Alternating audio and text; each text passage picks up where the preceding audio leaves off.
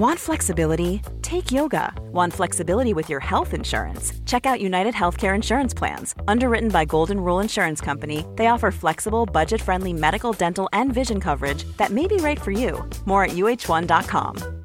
This is Paige, the co-host of Giggly Squad, and I want to tell you about a company that I've been loving, Olive and June. Olive and June gives you everything that you need for a salon quality manicure in one box. And if you break it down, it really comes out to $2 a manicure, which is absolutely insane. It's also so easy to get salon worthy nails at home with Olive and June. The difference between how your nails used to look when you did them yourself and now with the Manny system is a complete game changer. The best thing about Olive and June too is it's a quick dry. Dries in about 1 minute, lasts for 5 days and full coverage in up to 1 to 2 coats. Visit oliveandjune.com slash perfectmanny20 for 20% off your first system. That's oliveandjune.com slash perfectmanny20 for 20% off your first system.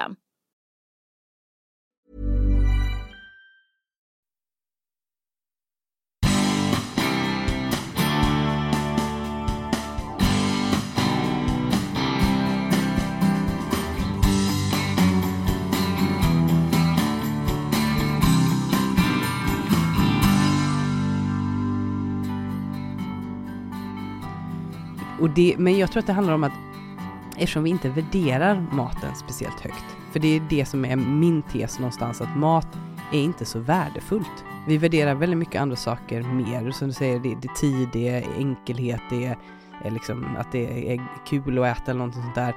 Men vi värderar inte råvaran. Det gör att du kan hälla ut en halv liter mjölk.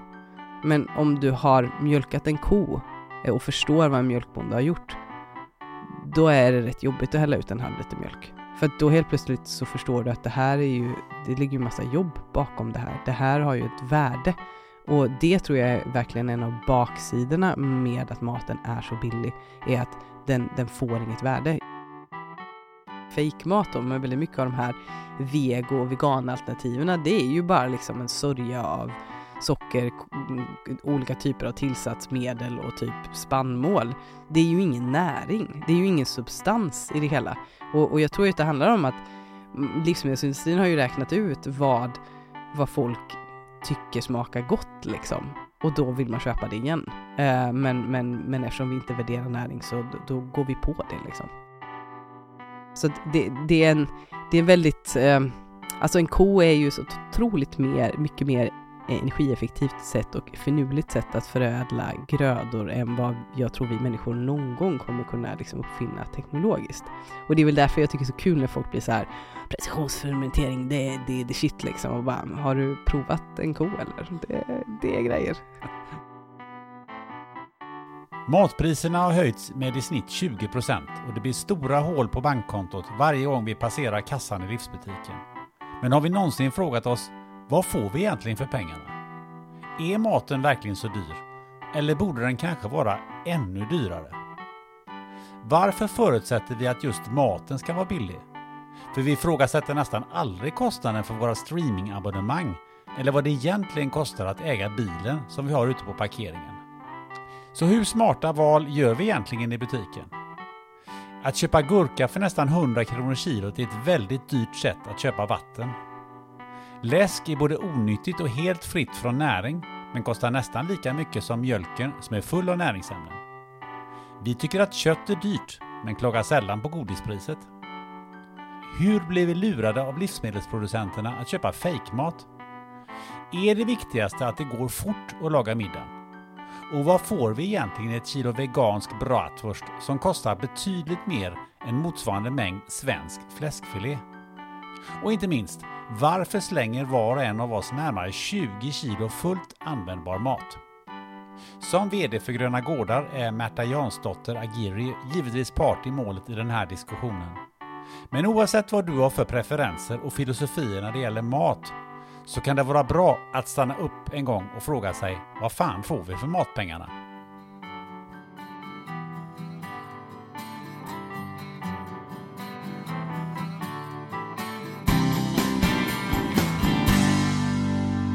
Du tog mottog ett eh, pris för inte så länge sedan va? Ja, två priser faktiskt fått Två under priser? 2022. Jaha, Ja. vilka, vilka var det? Jag fick Entrepreneur of the, eller kvinnligt stjärnskott i Entrepreneur of the year och sen så fick jag även Thordénstiftelsens miljöpris tillsammans med pappa. Så det var Ah. väldigt roligt. Men det här kvinnligt stjärnskott är väl det absolut största liksom. Thordénstiftelsen är ju en lokalstiftelse i Uddevalla men det är väldigt hedrande tycker jag att få ett lokalt pris. Verkligen. Och du, välkommen åter till podden Spännande möten. Tack. Märta Jansdotter Agir.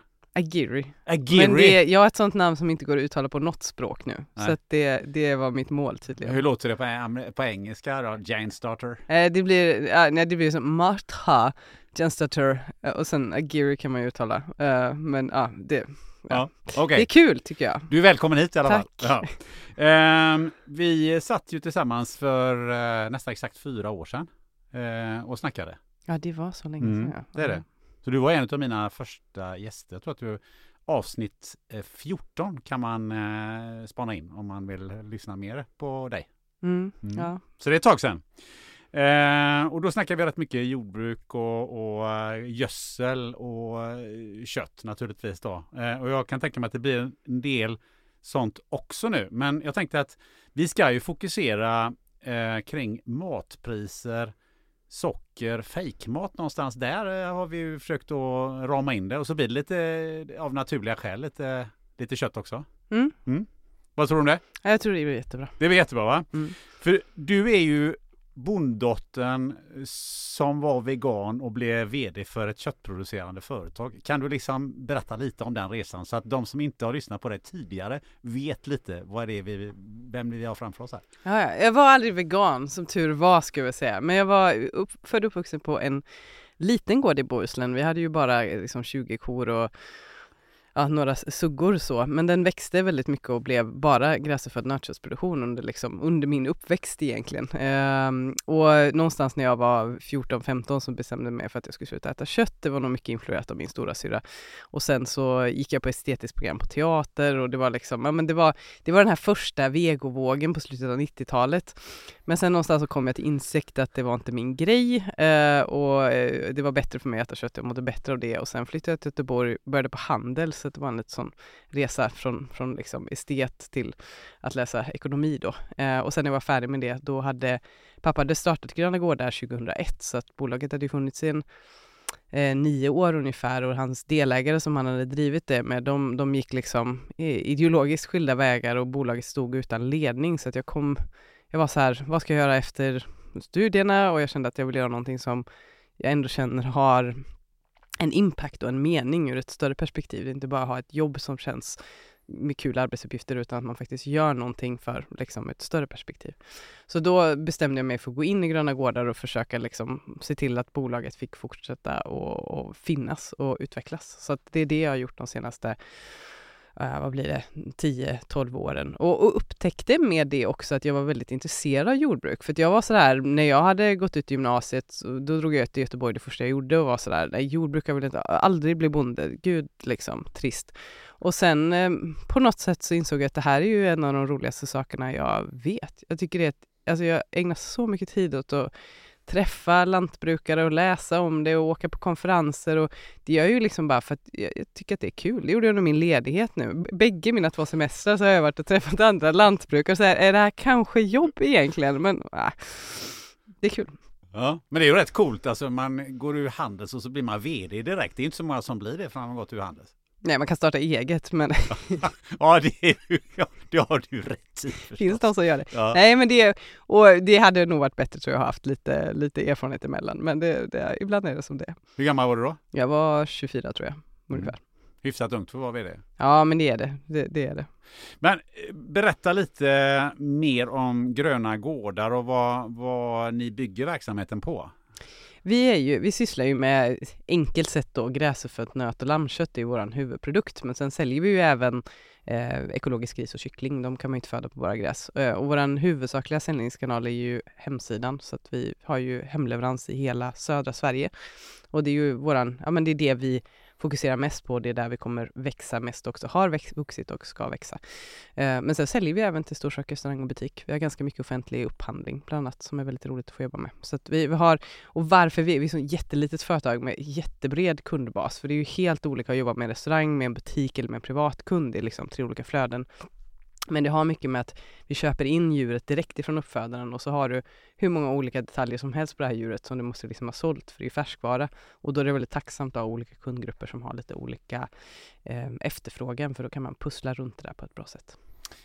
Innan vi går vidare och pratar någon mer fråga kring eh, Gröna Gårdar som bolag. Men du sa gräsuppfött och, och så vidare. Jag tror att det finns en del som bara undrar men vad, vad är det och vad, vad, är liksom, vad är grejen med det?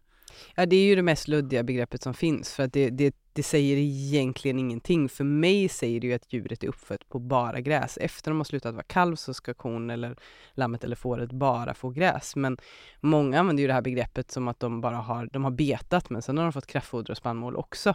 Eh, så att jag är väl lite en purist men det är ett ganska oklart begrepp. I USA pratar man om grass-fed och grass-finish till exempel för att förtydliga det. Eh, men ah, de flesta, eller alla svenska djur får ju gräs i varierande mängd men desto mer intensiv produktion det är och historiskt sett mer lönsam så är det bättre att ge dem mer kraftfoder men då får de inte samma fettsyreprofil och sen är det ju också så att kraftfodret inte sällan är mat vi människor kan äta så att de äter sånt som, som vi kan tillgodogöra oss och det är ett ganska stort energislöseri kan man säga. Så att eh, de här korna går uh, ute året runt och käkar gräs eller hur funkar det? Ja, I Sverige får man inte ha djuren ute på vintern så det är ganska få, så man får ha ett undantagstillstånd om man ska vara ute på vintern. Uh, men Eh, så för det mesta har man dem inne men då ger man dem något som heter ensilage som är då torkat hö egentligen. Men, men de har en väldigt lång betesperiod och det är också någonting som är mer unikt för mm, det som vi sysslar med gräsbeteskött men även ekologiskt kött, att du har ett beteskrav och djuren måste vara ute på bete. Så det är ganska många svenska djur som aldrig är ute på bete för det finns in, för att ja, man kan göra det då, tyvärr enligt den modellen vi har, mer effektivt genom att föda upp dem intensivt inomhus och ha en stor del kraftfoder. Men vi har ju liksom gått lite kärring mot strömmen som företag och sagt att nej men det får ta lite längre tid, det blir ett bättre kött, det smakar mer, det är bättre för dem att ut och betar och göra en massa ekosystemtjänster och du får också mer, eh, bättre fettsyrebalans. Det finns också indikationer på att gräsuppfött kött faktiskt innehåller antioxidanter. Så att när djuren bara får äta gräs så får du liksom alla antioxidanter som finns i, ja man har ju hört ät grönsaker, det är bra, det är antioxidanter. Men det här finns då i köttet. Och det är ganska coolt, för då behöver man inte äta grönsaker. Nej, man ska äta grönsaker. Men, ja. ja, vi kanske inte ska fördjupa oss i den delen, men eh, en fråga är naturligtvis då Gröna Gårdar. Hur, hur, hur stort är det här företaget? Du sa att det är ett litet företag, men eh, så himla små är ni väl inte? Nej men jag tror vi är väl, jo vi är 15 anställda och omsätter 37 miljoner. Så jag tror vi är precis ett vi är inte ett mikroföretag längre, utan vi är ett litet företag. Och sen är vi på väg till att bli kanske, jag vet inte, mellanstort ska man väl omsätta en 100 miljoner eller något tror jag. Mm. I alla fall. När är ni där? Det, det tar nog ett litet tag. Um, några, minst fem år. Det är ju också för att man kan inte... Ja, jag, är väl, jag vet inte om det har med att jag är kvinna och företagare eller hur jag är som person, men jag har liksom aldrig lockats av det här liksom superexplosiva tillväxten, utan det finns en styrka tycker jag i att ta det steg för steg för att man får med sig alla delar och eftersom kvalitet och liksom ursprung och story är så viktigt för oss så eh, jag är inte säker på att en väldigt explosiv tillväxt hade varit jättebra för oss faktiskt. Jag sa fyra år sedan, eh, sedan vi satt och, och snackade. Vad, vad har hänt på de senaste eh, fyra åren? Vad, vad har hänt eh, för dig privat? Ja, jag har gift mig, så det var mm, roligt. Grattis! Ja, tack. Ehm, så det är väl den stora biten, men i företaget så är det ju det stora som hände var ju corona och att helt plötsligt så var det ju jättemycket enklare att jobba med e-handel det var ju, det var ju hyfsat enkelt innan men det var helt plötsligt så liksom, ska köpa mat på nätet, det var liksom det folk ville så att vi hade ju apropå snabb tillväxt, väldigt snabb tillväxt under två år på vår e-handel och det var ju jättekul för vi var ju redo liksom. Vi hade ju planerat för det här jättelänge och så pang kunde vi bara iscensätta den. Vadå, har ni planerat för en pandemi? Nej, nej, ja, det var vi, nej. Nej, vi hade planerat för att växa mycket i e-handeln hade vi gjort. Eh, och så, så, så det var väl liksom tur i oturen för oss då, att vi kunde dra nytta av det. Men många e-handelsföretag har ju eh, eh, tappat i omsättning och, och kunder nu när eh, folk har återgått till mer normalt levnadssätt. Hur har det gått för er? Vi har ju definitivt, vi har ju inte den explosiva tillväxten vi haft de senaste liksom 2020-2021 men vi har ju fortfarande fortsatt att öka. Så det är väldigt kul och det vill jag ändå tro har mycket med att folk det finns ett fortsatt intresse för att äta bra mat eh, och, och, köpa bra råvaror. Så att vi har inte, vi har inte, vi har ju, ja, vi fortsätter öka. Men hur skulle du vilja beteckna eh, utvecklingen på, på, om vi tittar på matindustrin i lite, lite större perspektiv? Vad, vad tycker du har utmärkt de senaste fyra åren?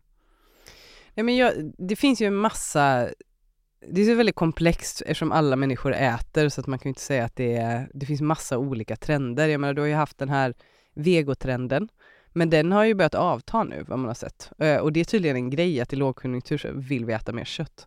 Um, om det är någon sån här psykologisk sak att man känner sig mer trygg eller vad det är. Men, och det är nog någonting som jag har spått. Jag tror inte någonsin att uh, vegotrenden kommer bli så här jättestor. Varför det? För att um, nu, nu, låter man ju som en gammal gubbe, men vi har ätit kött under hela vår evolution. Det är ett fantastiskt livsmedel som är jättenäringsrikt. Så att det är så dumt att inte äta kött, tycker jag. Eh, men man ska ju välja ett bra kött och det är väl därför jag gör det jag gör. Så jag, jag, jag, är inte de som tror att vi kommer att, att sluta äta kött, utan, men förhoppningsvis äta bättre kött. Eh, och det har man ju sett att det är en nedgång. Och sen får vi se, det, det, kanske, det kanske ändras och det kanske är så att man utvecklar de här vegoprodukterna så att de blir ännu mer um, um, välsmakande men det kom ju en uh, forskning bara från Chalmers här för, mm, vad det var i höstas när man kom fram till att järnet som finns i de här veganprodukterna, det kan vi inte ta upp. Så att mm, du får inte i dig den näringen som du får när du äter kött till exempel. Och det är ju väldigt allvarligt eftersom speciellt kvinnor i min ålder är ju, mm, har ju järnbrist ganska vanligt. Eller kvinnor fertil ålder kanske man ska snarare säga. Ehm, eh, men eh, så, så det är väl en och sen är det ju liksom lågpristrenden är ju alltid allenarådande. Det är ju den stora saken med egentligen Går du in i en livsmedelsbutik så är ju priset ett ganska dominerande säljargument på ett eller annat sätt. Det är stora skyltar med pris, det är pris överallt. Men jag menar, går du in Visst, går du in i en lågprisklädaffär så är ju priset väldigt dominerande, men många klädaffärer så är ju priset ganska undangömt. Du får liksom öppna den här lilla liksom lappen på kläderna för att du ska se vad någonting kostar. Så att eh, det, eh, den trenden finns ju och sen så finns ju den här eh, handla lokaltrenden som bara fortsätter att tuffa på, vilket jag tycker är jättekul. Alltså det var, den fick ju också draghjälp av pandemin, det här med reko, att rekoringar, man är, går med i en Facebookgrupp och sen så köper man eh, liksom eh, råvaror direkt av en producent genom en, att skriva på deras Facebook-tråd. Eh, och det finns ju, jag vet inte hur många rekoringar det finns över Sverige, man får åka till en parkeringsplats och göra det.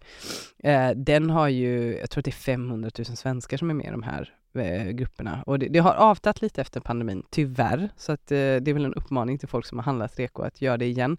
Men det är ju en, eh, det är en skitkul trend, tycker jag. För att den gör ju också att mycket små, jättesmå livsmedelsföretag kan liksom börja jobba upp en marknad. Att man behöver liksom inte komma in i en butik för att kunna börja sälja sina grejer. Så det är väl, det är väl kanske de stora, eh, tänker jag. Sen är det ju massa så här kosttrender, de har inte jag kanske järnkoll på alla av dem. Vad har hänt på jordbrukssidan? Har jordbruket förändrats på de senaste fyra åren på ett avgörande sätt? Eller finns det trender där? Ja, det, det, den fortgående trenden som har hållit på i 50 år är ju att det blir färre och större jordbruk.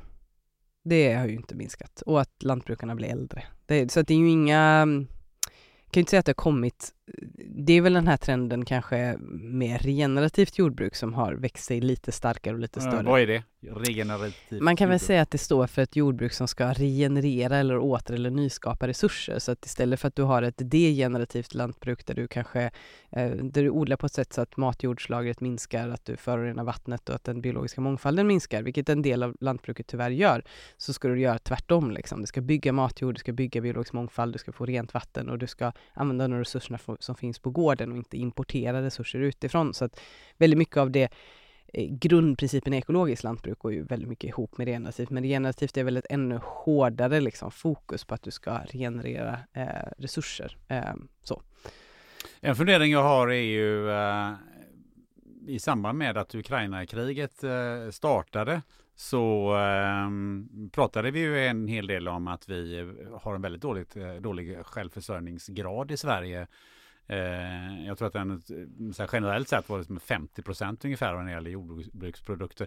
Finns det, finns det någon trend där att det börjar komma eh, nya människor och nya gårdar och sådär? Eh, eller är det fortfarande likadant? Har det, har det hänt något där?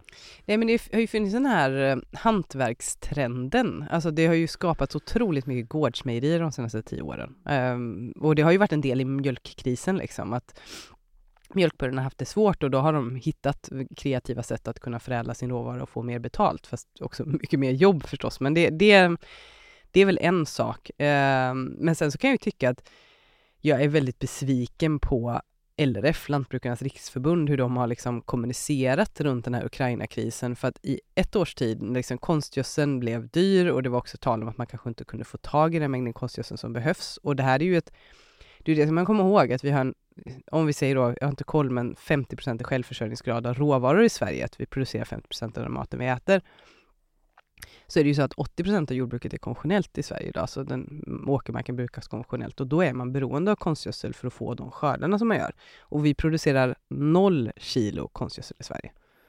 Och hade man tagit bort konstgödseln, då får du ju räkna med en skördenivåsänkning på 50 till 70 procent. Klarar vi det i Sverige?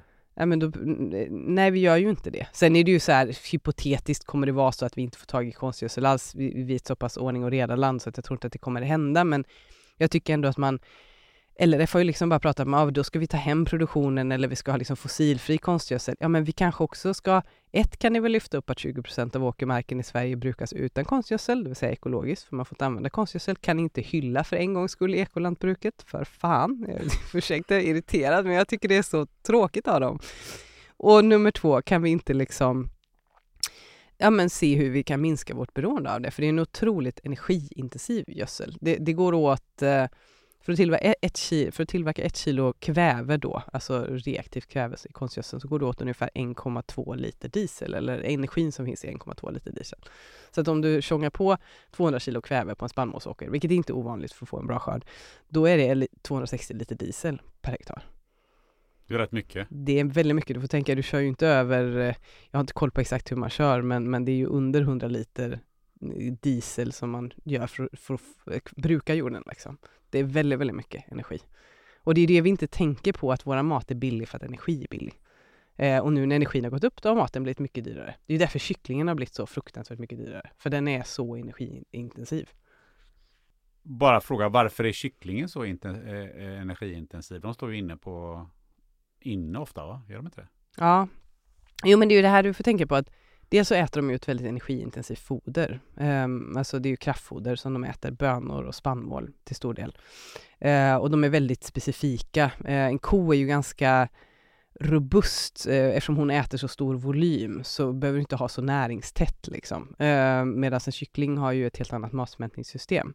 Men genom att odla den här, då odlar man ju kraftfodret och bönorna med hjälp av konstgödsel som är väldigt energiintensivt. Eh, och sen så ska du ju ha hela uppfödningsmetod, du ska ha ett exakt tempererat stall. Nu är det ju så här, du, har ju, du kan ju ha 200 000 kycklingar i det här stallet, så du kan ju vara väldigt liksom, platseffektiv på det sättet. Men hela den här odlingen av deras foder och hanteringen är, är väldigt energiintensiv. Och det kan man ju se, jag tror att konventionell kyckling har blivit 70% dyrare eller någonting sånt. Och, och det är ju för att energipriserna har, alltså energi och foderpriserna har gått upp väldigt mycket. Nu har vi nämnt eh, matpriserna med några gånger nu och eh, i och med Ukraina-kriget så blir det också startskottet till en inflation och till en, en höjning av matpriserna ganska kraftigt. Och det är många som pratar om att hur dyr maten har blivit. Man pratar om 20-25 procent lite grann beroende på vad det är man äter. Du pratar om kyckling alldeles nyss här. Eh, är maten så himla dyr? Enligt Nej. ditt sätt att se på det. Det skulle jag verkligen inte säga att den är. Den är jättebillig fortfarande, även om den har blivit 20 procent dyrare. Men vad grundar du det på? Mm, ja, men om man, jag tänker man får titta historiskt. Alltså det är ju klart om man tittade från 2020 till 2022 så har ju maten blivit dyrare, eftersom den har blivit 20-25% dyrare. Absolut, men tittar du, går tillbaka 70-talet så la vi 30% av vår disponibla inkomst på mat. Eh, och 90-talet så la vi också mer av vår disponibla inkomst.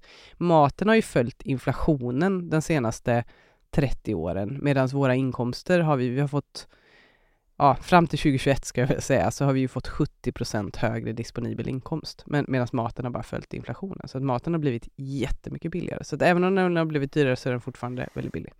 2017 så fick jag fram en siffra att det var 13 procent av hushållens konsumtionsavgifter som, utgifter som, som användes för, för mat. Ja. Um, men, men varför reagerar vi på det sättet som vi gör då? Oj, oj, oj, nu har maten blivit så fruktansvärt mycket dyrare. Nu blir det jobbigt. Ja, men det är det här jag tycker är så intressant. För att inte nog med att vi reagerar på det, men också att innan maten gick upp 20 procent så tycker jag ju också att det var den här känslan att ja, men mat är så dyrt. Du vet, jag, jag vet inte hur många människor jag har träffat genom liksom tiden jag har jobbat med gröna gårdar och så har jag förklarat det vi gör. Vi jobbar med ekologiskt gräsbeteskött och sten och så här. Men ni kan ju bara ha höginkomsttagare som kunder. Och så har jag sagt, ja det är väl klart att vi har höginkomsttagare, men de är ju, alltså vi har ju, vi har ju kunder av alla möjliga inkomstnivåer liksom. Nej, jo, alltså det är så dyrt är det liksom inte. Och de kan inte köpa det liksom. Att man har råd med det här om man inte är liksom miljonär typ. Um, och det tycker jag är så intressant för att det säger ju någonting om att man inte har, att man har en mer känslomässig koppling till matpriserna än en, en, en, en reell. För att som du säger, 13 procent av vår disponibla inkomst, vår största utgift är boende. Det är 20 procent drygt och nummer två är inte mat, det är transport. Och du hör, bensinpriserna har ju folk gnällt på, men har du någon gång hört någon gnälla på att det är så jävla dyrt att äga bil? Och bilen är ju en större utgiftspost än vad bensinen är. För det mesta, om du inte kör jättemycket då och har en jättebillig bil. Men jag tittade ju på det med min bil nu när bensinkostnaderna blev så dyra och så tänkte jag den är ganska bränslesnål. Tänkte jag, man kan väl byta till elbil, men jag bara, det kommer ju bli jättemycket dyrare. För den här bilen är så pass billig att äga att drivmedlet blir inte en så stor del uh, av det. Och det tycker jag är så intressant att vi har två större kostnadsposter där vi boende pratar vi mycket om.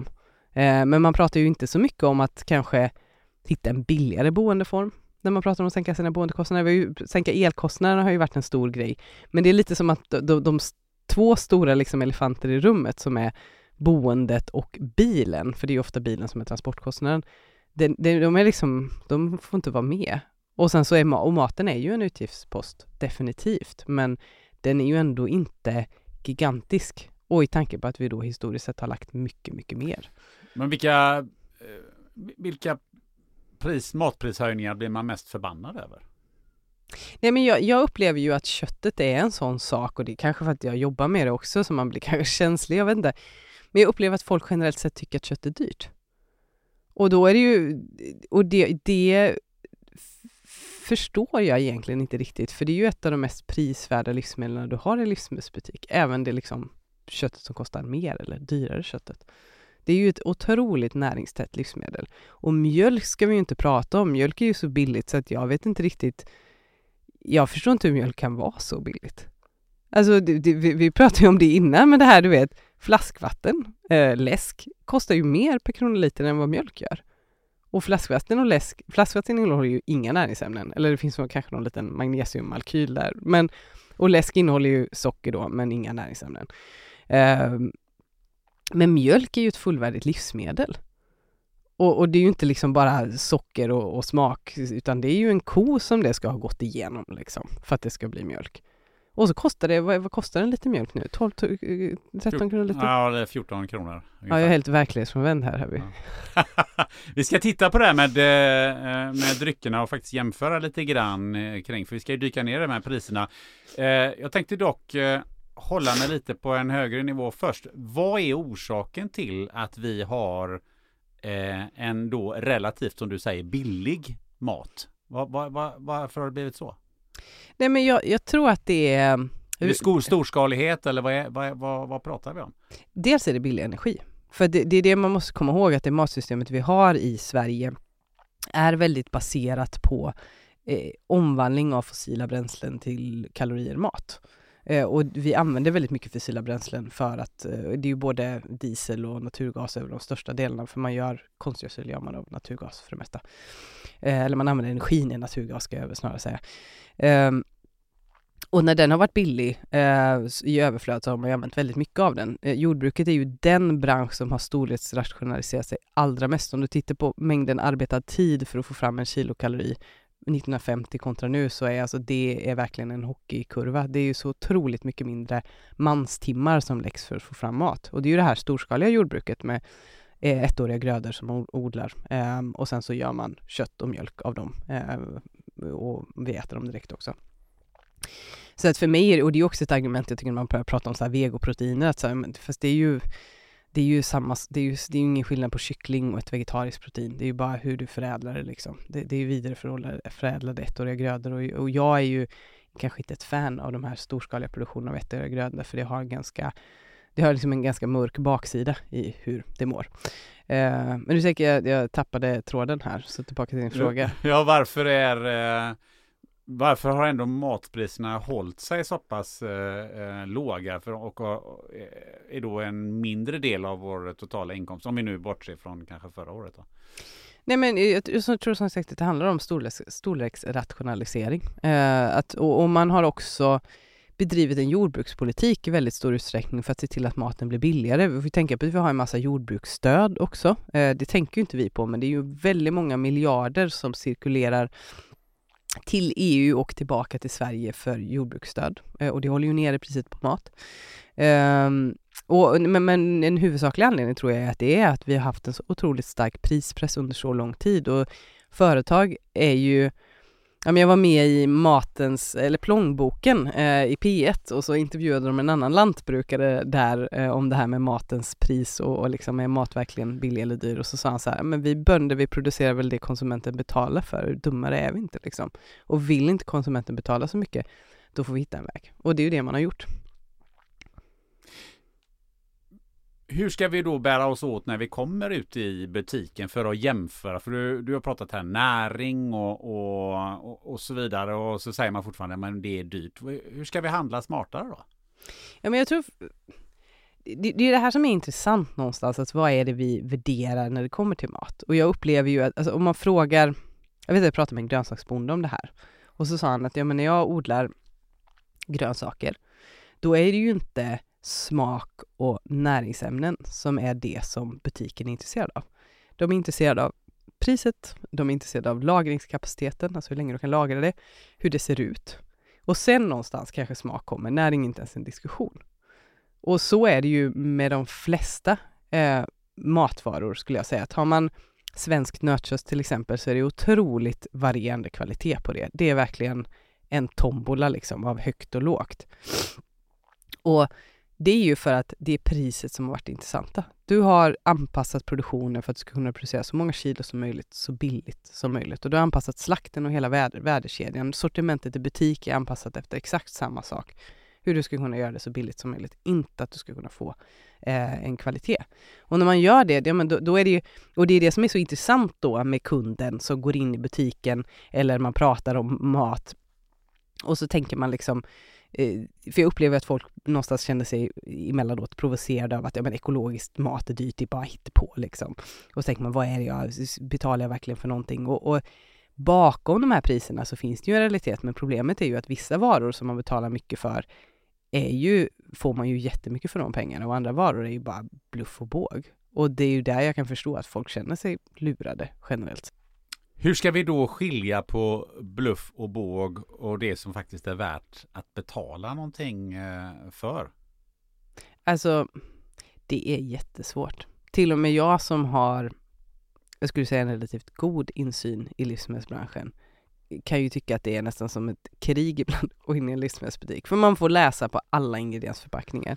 Man får så här, hur är det här gjort det och vem, var kommer det här ifrån? Och det är så mycket sån här liksom Ja men små grejer, vi pratade om det innan liksom vispgrädde liksom. Så sa jag, men det är ju ganska ofta vispgrädde inte är 100% grädde utan det är, du har sänkt fetthalten och så har du lagt in ett eh, förtjockningsmedel i det. Så jag blev helt chockad för det var det vi pratade om. Jag satt här med min kopp kaffe och, och min grädde, vispgrädde som jag har i kaffet. Mm. Uh, och tänkte jag, vadå, vispgrädde är väl vispgrädde? Ja men exakt, för det är ju så du tänker att det är. Men vänder du på förpackningen så ser du att det här innehåller ju en massa andra saker än vispgrädde.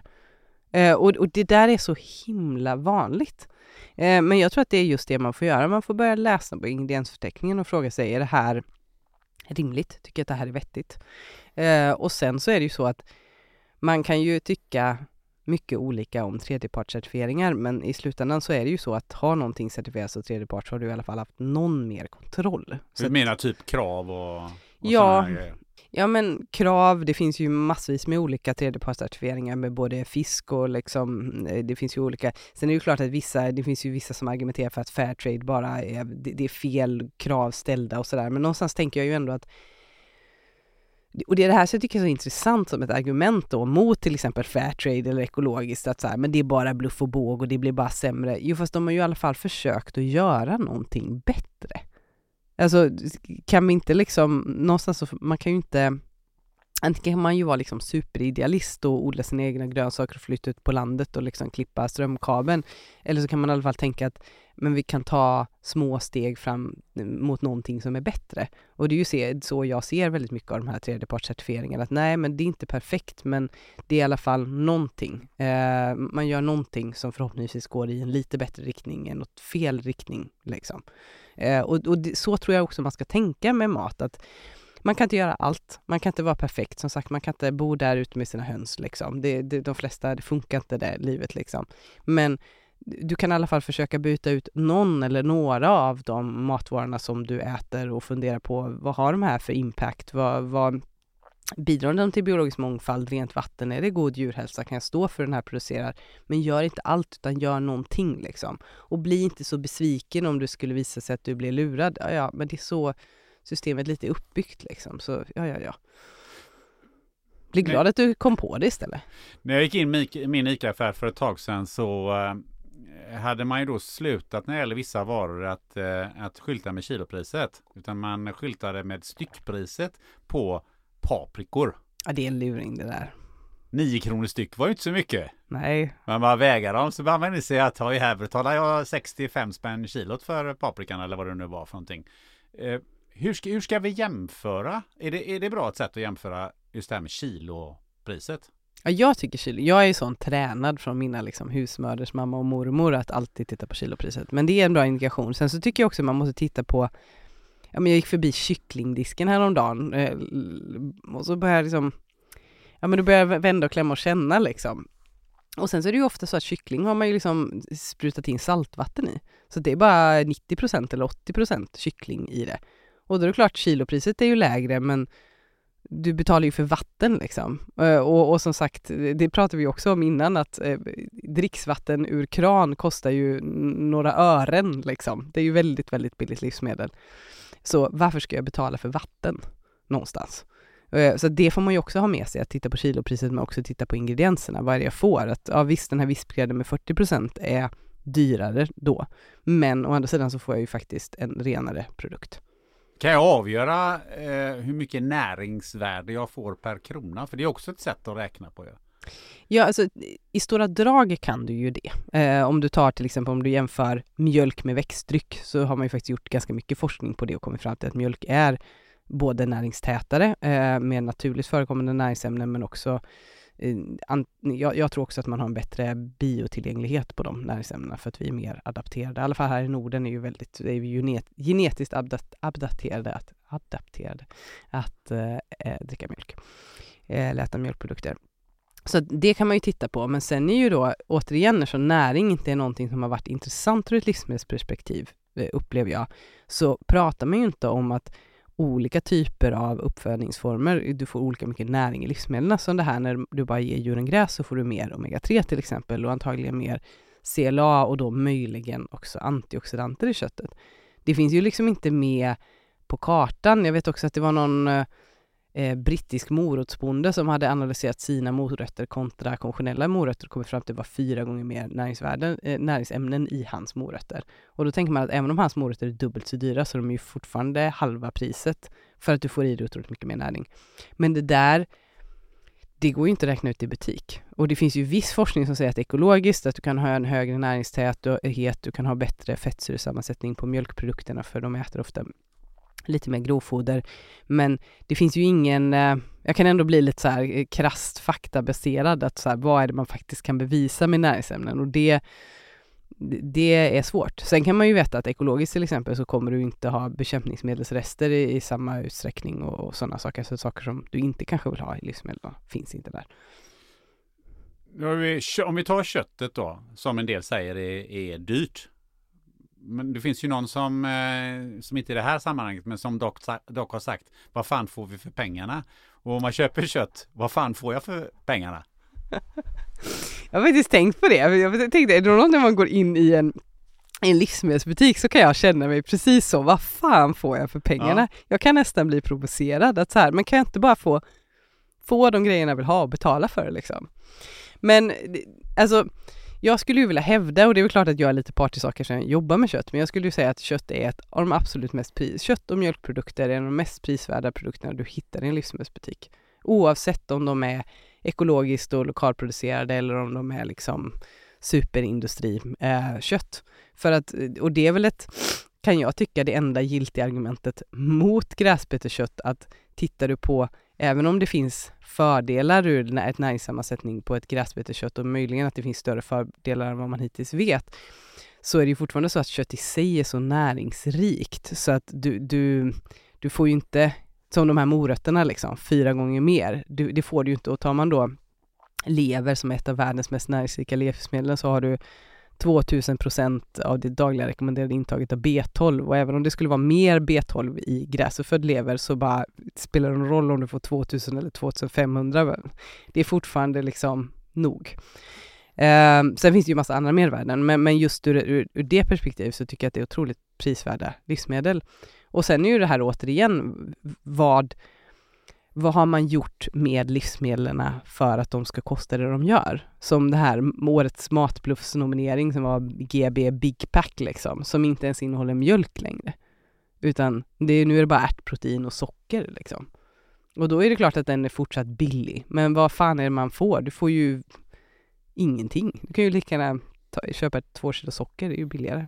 Intressanta siffror i det här sammanhanget är ju då att köttkonsumtionen i Sverige är, var 2021 då 80,1 kilo per capita. Inklusive ben ska jag säga. Vi äter inte 80 kilo kött. Vi äter 45 någonting. Sådär ja. Eh, dock, eh, om man då jämför det med godiskonsumtionen i Sverige, där vi är världsledande, eh, som eh, man då äter per person 15 kilo per år. Och då kan man ju också undra, vad, vad får jag för pengarna här? Ja, det där är ju en intressant, eller läsk då. Jag tror det är 200 liter per person och år eller något man dricker. Eller så är det 100. Ja, gud, det där får fakta kolla mig själv på. Men nej, det där tycker jag är jätteintressant. Och det är ju också det här eh, typ cocktailtomater. Alltså det finns ju väldigt mycket ganska tomma kalorier som finns i en livsmedelsbutik och där folk har en, nu är de ju väldigt billiga per kilo ofta de här livsmedlen, men man har jag tycker ju att det är det dyraste i livsmedelsbutiken, för du får ju ingenting för det. Det finns ju inga hälsofördelar med att äta godis. Um, men, um, men man gör det ändå liksom, för det, för det är gött. Nu har du lämnat, nä, nämnt eh, eh, dryck och vatten och läsk. Så vi lika bara kasta, kastar oss in i detta då. Eh, eh, den, den jämförelsen. För jag, inför det här avsnittet så har jag faktiskt roat mig med att eh, jämföra lite olika priser. Mm. och den dyraste läsken, ja, det finns kanske ännu dyrare, men Red Bull kostar ju 52 kronor litern. en, en Oatly mellan, vad det nu är för någonting, kostar nästan 24 spänn per liter kan säkert variera mellan olika. Det här var Coop just vid ett visst tillfälle. Eh, mjölken var vi varit inne på, den kostar lite drygt 14 spänn. Eh, en cola eh, en kostar 13 kronor liter, det är ungefär lika mycket som mjölk då. Vatten får jag då rätta det, det är en Ramlösa kostar eh, ungefär 8 kronor per liter. Fortfarande bra mycket dyrare än att ta kranvatten. Eh, som eh, lite beroende på vad det har för kommunal taxa. Men jag hittade något som där, det, där jag räknade ut att det kostar 1,9 öre per liter. Så där har vi lite grann den här stafflingen. Eh, om vi nu fortsätter med siffror, för det kan vi lika gärna göra, så, så, så kan vi begrunda sen hur, hur vi tänker när vi, när vi handlar.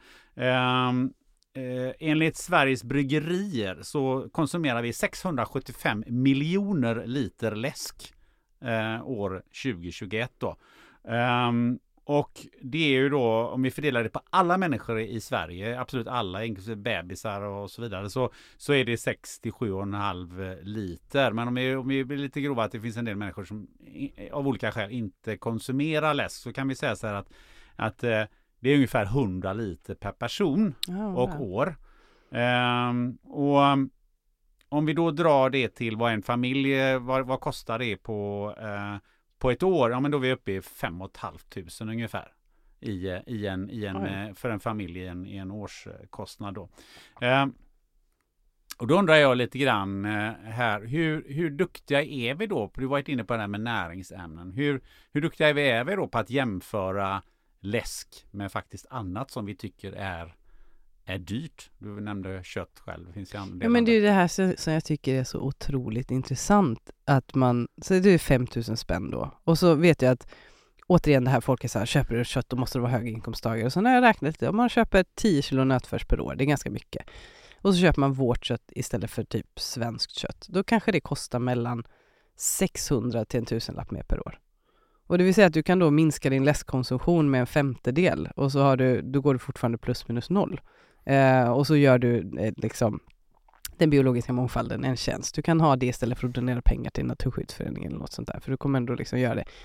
Eh, men men det, det, det är ju så, och, och sen det här, man har ju aldrig folk argumentera för att läsk är så jäkla dyrt.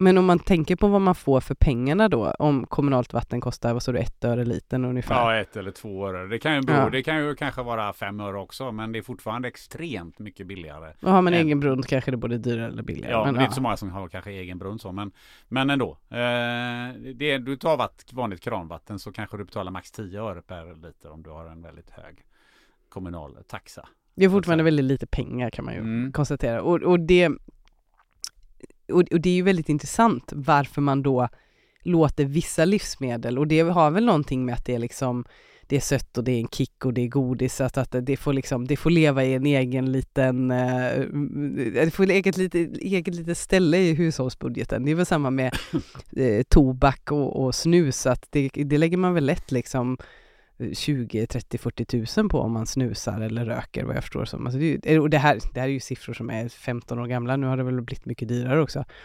Eh, men det är intressant hur de där sakerna, de är så eh, heliga någonstans. Men att lägga lite pengar på bättre mat, det är så här, hur har du råd liksom? Och jag kan ju personligen känna, men hur har du råd att dricka läsk eller äta massa godis och sånt där. Eh, och dessutom så mår man ju, jag mår ju inte bra av det, men det, det kanske folk gör så det, det kanske man inte ska lägga, det kanske är livskvalitet, så det kommer inte vara inne och tassa på. Men det är ändå väldigt intressant vad man, vad man värderar. Att de, de mer näringsrika livsmedlen anser man är dyra, men de näringsfattiga livsmedlen, de, de kommer liksom undan med sitt pris. Varför är det så? Ska man vara konspiratorisk så tror jag nog kanske att det är att det finns mer pengar i de livsmedlen så att det är en marknadsföringssak. Och jag tror också att de livsmedlen är mer, de är ju lite kicksökande så. Men alltså. någonting måste vi väl unna oss när vi har det dåligt? Jo, men då är det ju intressant varför vi äter mer kött i dåliga tider. Men, eh, men jo, men jag tror att det, det är lite så att man, eh, ja men det, det, är belöning, det är liksom, ja, man unnar sig, det är gott och då kanske man inte riktigt, och, och sen så tror jag, jag menar, det är ju alla företag vill ju alla företag vill ju sälja sina produkter någonstans. Eh, så att så är det ju också. Men hur kommer man undan med att sälja i princip kranvatten för 8 kronor liten? Man kallar det för Ramlösa. ja, det skulle väl vara det. Nej, eh, men, ja, men det är ju, det, jag tror det är väldigt mycket också en trend, du vet, för att i USA, där dricker man ju inte, det, kranvattnet är ju så jäkla äckligt så att det går inte att dricka. Så att det finns liksom en trend att man ska dricka vatten på flaska och sen är det väl klart, återigen, det är ju pengar. Det menar, Ramlösa kan ju inte betala mer än max en, de betalar nog mindre än en, ett öre liten för vattnet liksom.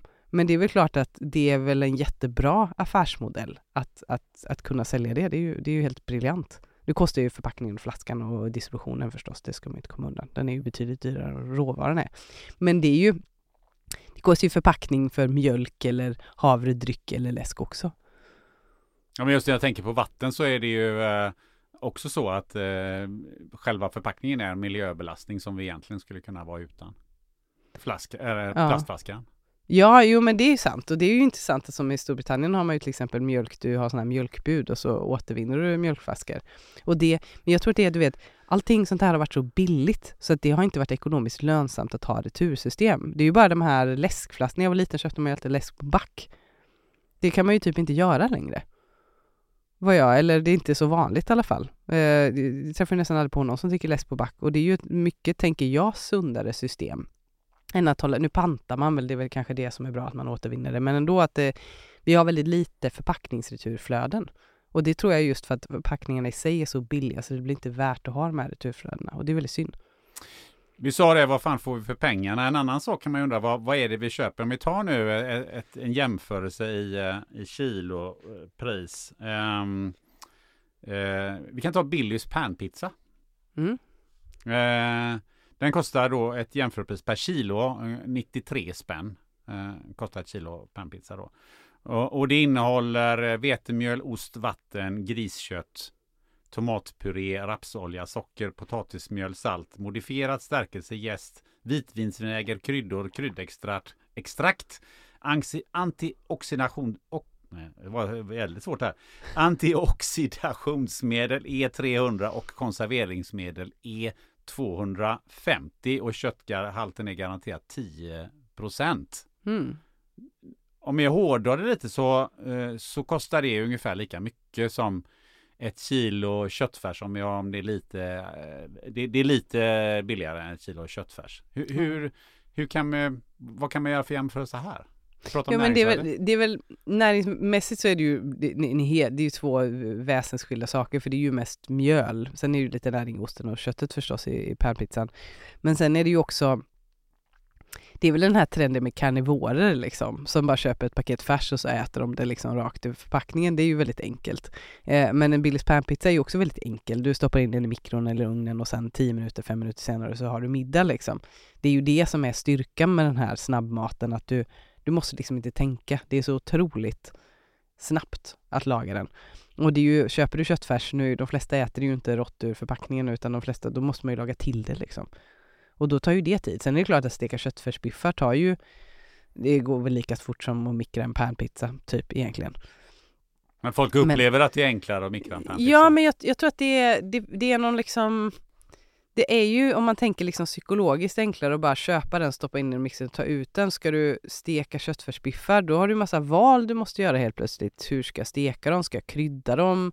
Du måste ta ut smör kanske eller någon matfett ur kylskåpet. Du, alltså, du måste diska pannan. Det, det, det är massa saker som kommer till om du ska laga den här köttfärsbiffen.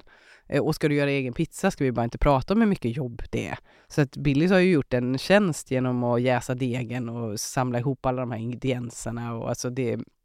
Så sätt så är det ju väldigt enkelt. Och det är ju ändå det som är, tror jag, varför de här färdigmaten, det var väl ändå 70-talet och hemmafruarna som skulle ut och lönarbeta och, och det blev ja men då ska de ta massa beslut på jobbet och så ska de komma hem och så ska de ta massa beslut genom att laga mat och, och sen så blev det liksom kanske en liten en trend att det blev fint att äta färdig mat också, upplever jag.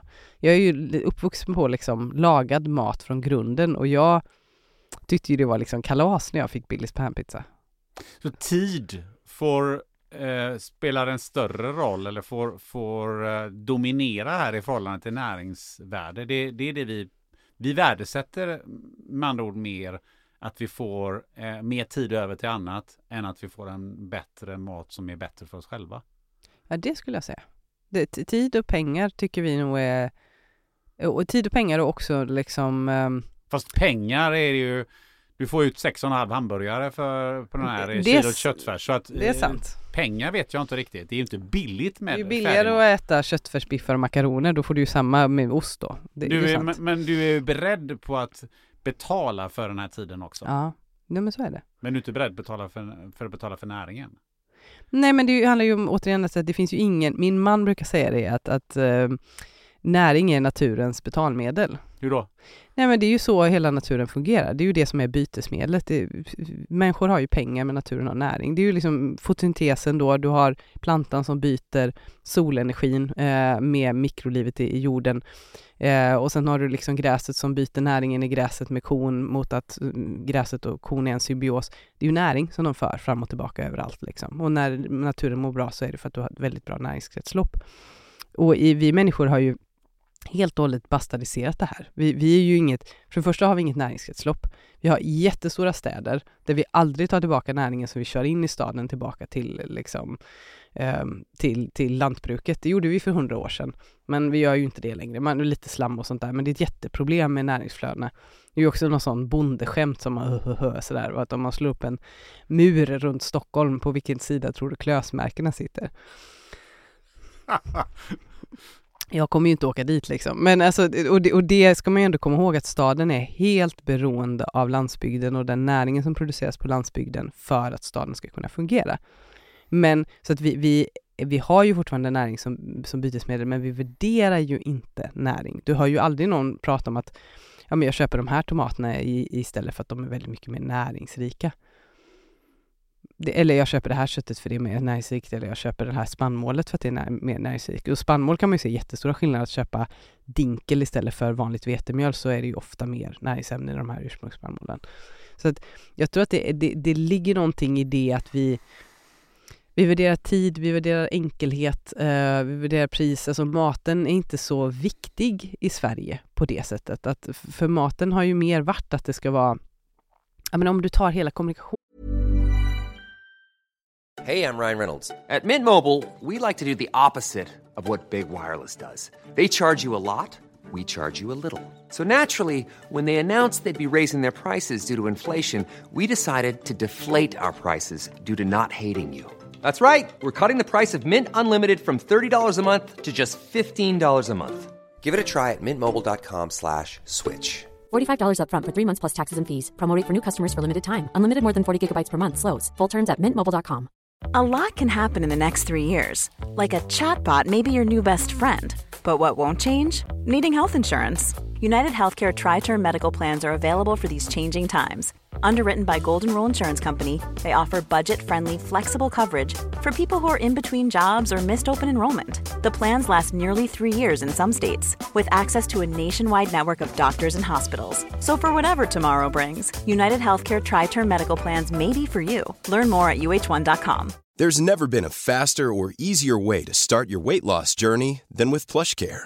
PlushCare accepts most insurance plans and gives you online access to board-certified physicians who can prescribe FDA-approved weight loss medications like Wigovi and Zepbound for those who qualify.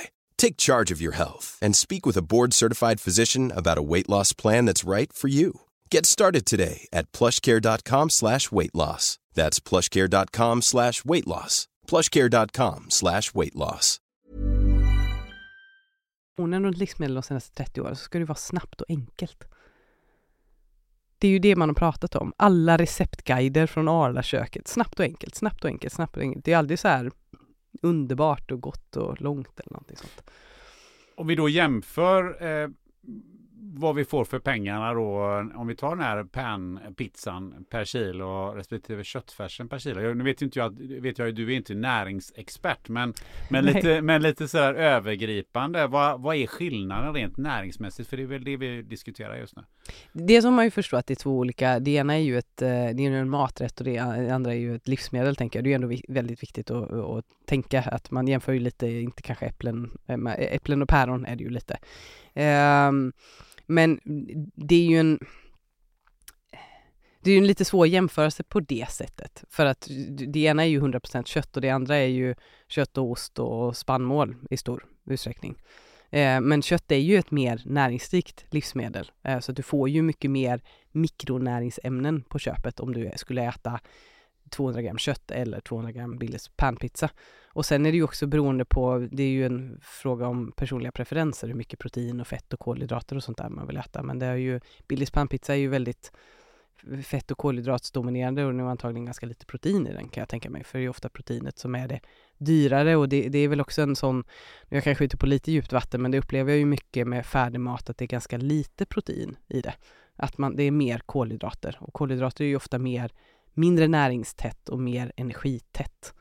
Uh, och det, det, är ju inte kanske så att vi har ett problem i det här landet att vi äter för lite energi, uh, utan vi äter kanske för lite rätt näringsämnen.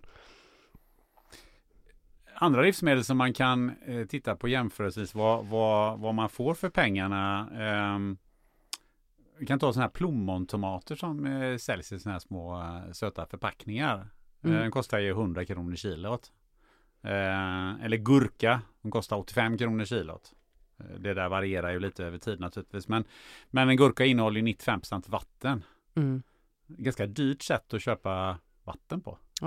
Nej men så är det och det är det också jag tycker är intressant då med folks matval och matkostnader att man har jag läste någon dietist som tycker så här, men nu när maten blir dyrare så välj mindre ekologiskt så här. Men ah, åh oh, gud, det finns ju massa mervärden i det. Fortsätt att köpa bra mat för att det är viktigt att vi stöttar mervärdesproduktion vare sig det är svenskt eller ekologiskt eller vad det handlar om. Men, men du kanske ska fundera på saker som då gurka som är ganska näringsfattigt. Att du, men skippa gurkan istället då. Eh, köp eh, rotfrukter som är billigare kilopris och mer näring i också misstänker jag. Eh, Eh, och liksom, ja men kål och morötter till exempel, det är väl, det beror väl på vad man köper, men det är väl 20-30 kronor kilot och, och mindre vatten i det. Eh, så att man kan ju tänka lite så. Det var ju när jag pluggade så var jag ju alltid så här, alla mina kompisar köpte körsbärstomater. Jag bara, hur har ni råd med det? För jag är liksom uppvuxen rotfrukter, bönor, spannmål och kött, liksom basvarorna som är de mest prisvärda eh, råvarorna. En annan sak man kan göra för att eh, hålla matbudgeten i schack, det är ju att inte kasta mat. Ja. Um, för vad jag har förstått så, så slänger vi i princip eh, 19 kilo fullt ätbar mat per år och, och eh, person. Och hur mycket mat kilo äter vi ungefär? Har du koll på det? Nej, det har jag faktiskt ingen koll på. Eh, men däremot så har jag koll på, för man pratar ju mycket om miljöpåverkan och mat och miljöpåverkan har ju varit en eh, odling har ju varit en, en, en viktig del i diskussionen. Men eh, jag tog reda på att allt matsvinn i Sverige det motsvarar ett utsläpp från 360 000 bilar mm. per år. Vi bidrar till ett miljöproblem samtidigt som vi eh, använder våra pengar på ett väldigt dåligt eh, sätt. Hur, hur, hur, hur, kan, vi, hur kan vi göra här? Ja, men jag, tror, jag tror det här kommer tillbaka. Det intressanta i år är att volymen livsmedel eh, har jag för mig, jag läste en artikel alldeles nyss, har minskat, volymförsäljningen av livsmedel har minskat med 5% i år. Alltså vi, vi har köpt 5% mindre livsmedel. Och då tänker jag ju att jag tror inte folk har svultit. Jag tror inte att det är det det handlar om för att jag har väldigt svårt att se att det är klart att det finns säkert tyvärr några familjer som har det jävligt tufft där det har, det har blivit konsekvensen. Eh, men gemene man, eh, i Sverige vi ändå, har vi en hyfsad inkomst, vi har inte gjort det utan jag tror att det som har hänt, men jag skulle vilja få det bekräftat, är att vi har svinnat mindre mat. För att vi upplever att maten blivit dyrare och då har vi blivit bättre på att ta hand om den helt enkelt. Eh, och där tror jag ju man kan, är det någonstans man kan spara så är det ju genom att äta upp maten.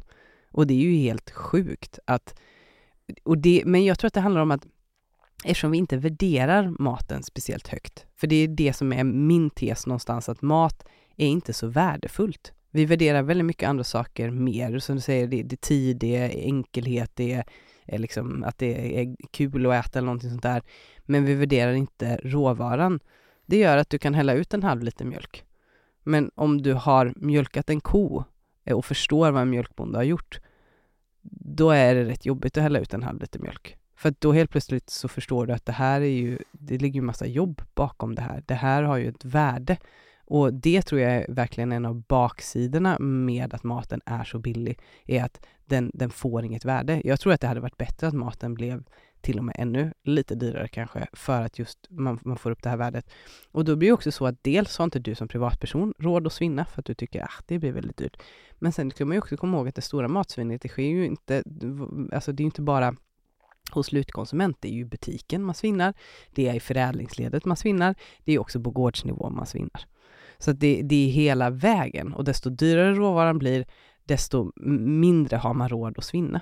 Det är ju också en sån intressant sak ehm, eh, av en slaktkropp då, är ju 40% ben och fett. Och de råvarorna har nästan inget värde idag. De hade ett jättevärde för 50-60 år sedan. Då friterar man nästan allting i animaliskt fett och nu använder man vegetabiliska oljor istället. Så att 40% av det vi köper in och betalar våra uppfödare för, det, det, har, det skickar vi ner till liksom Klippan, till någon sån Essentia Protein Solutions. Liksom. Så det, det, det, ehm, det blir ju någonting av det, vilket är skönt, men vi får ju inget betalt för det. Eh, och det är ju också återigen för att vi har ett sånt överflöd av saker.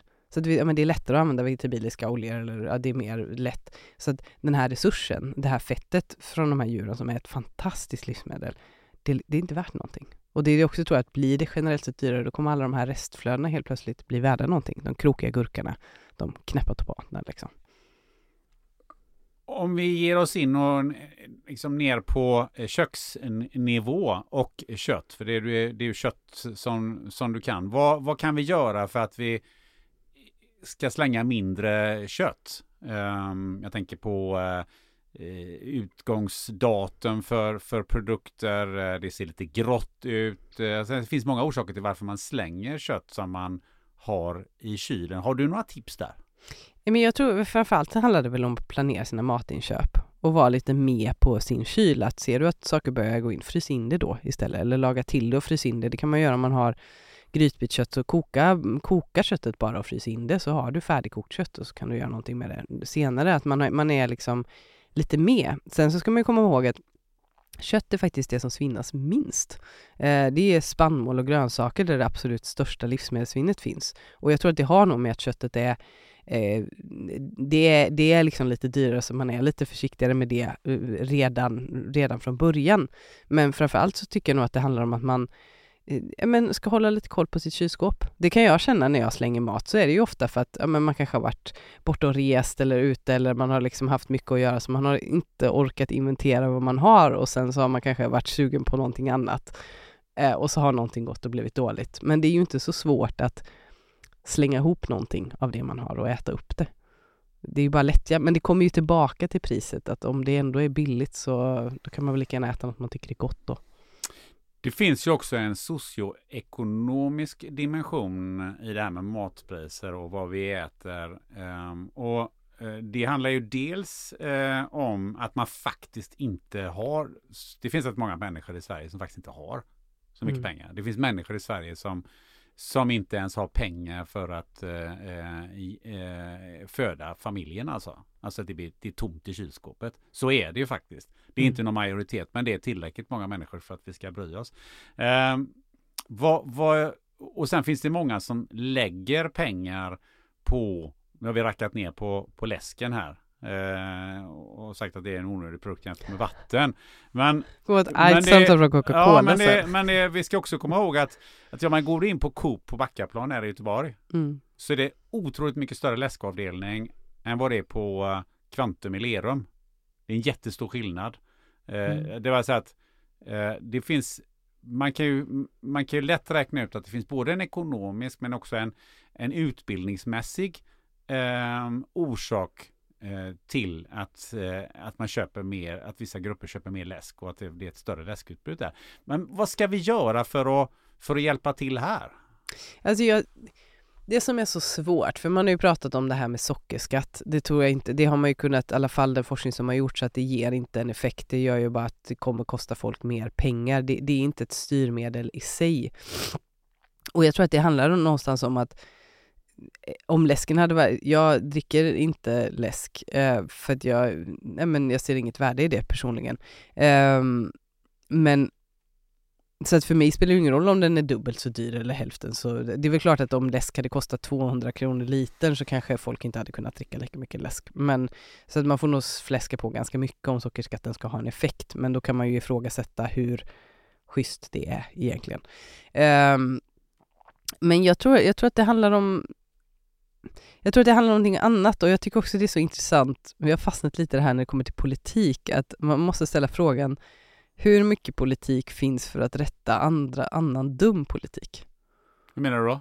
Äh, men tar man jordbruksstöden till exempel, um, så är ju en stor del av jordbruksstöden vi får ett sätt att rätta till annan dum politik. Alltså att vi får massa miljöersättningar till exempel för att vi gör saker och ting som är bra för miljön. Det är ju liksom public money for public good, så det kan man tycka att det är bra. Men samtidigt så är det ju också så att vi får ju de här stöden för att vi har bedrivit en politik att jordbruket ska bli större och mer intensivt och inte ta miljöansvar.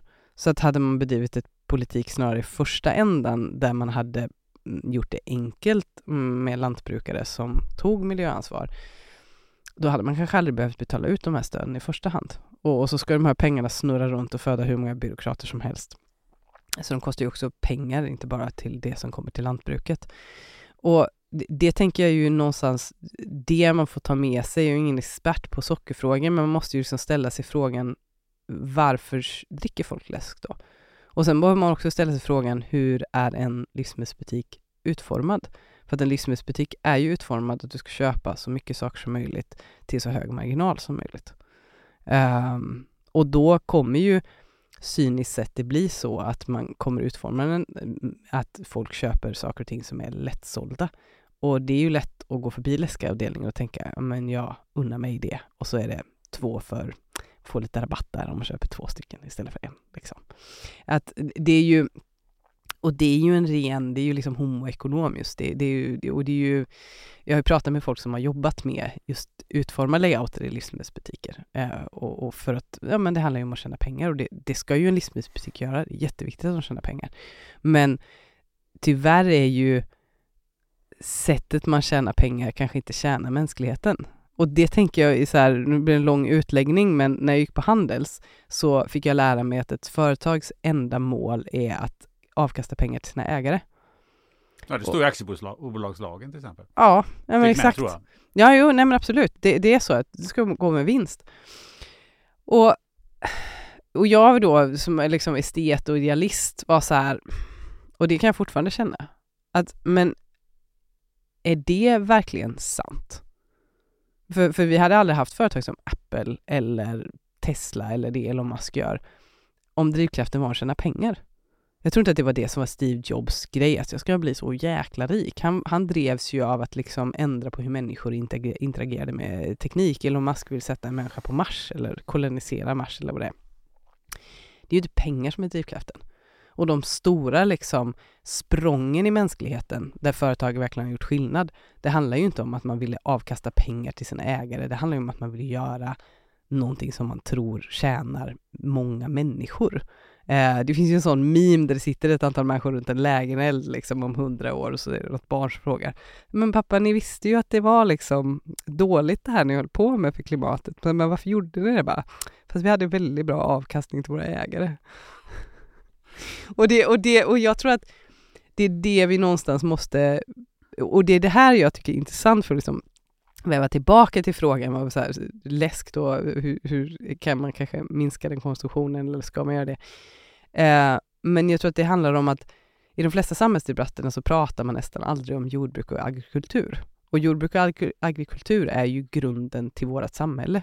Du och jag hade inte kunnat sitta här i en podcaststudio med alla de här, den fantastiska tekniken som finns, om det inte var så att vi hade blivit bofasta och att mindre och mindre människor hade producerat livsmedel, så fler och fler människor hade kunnat ägna sig åt, har kunnat ägna sig åt andra saker. Och idag är det väl om det är max 2% av befolkningen i Sverige som är lantbrukare.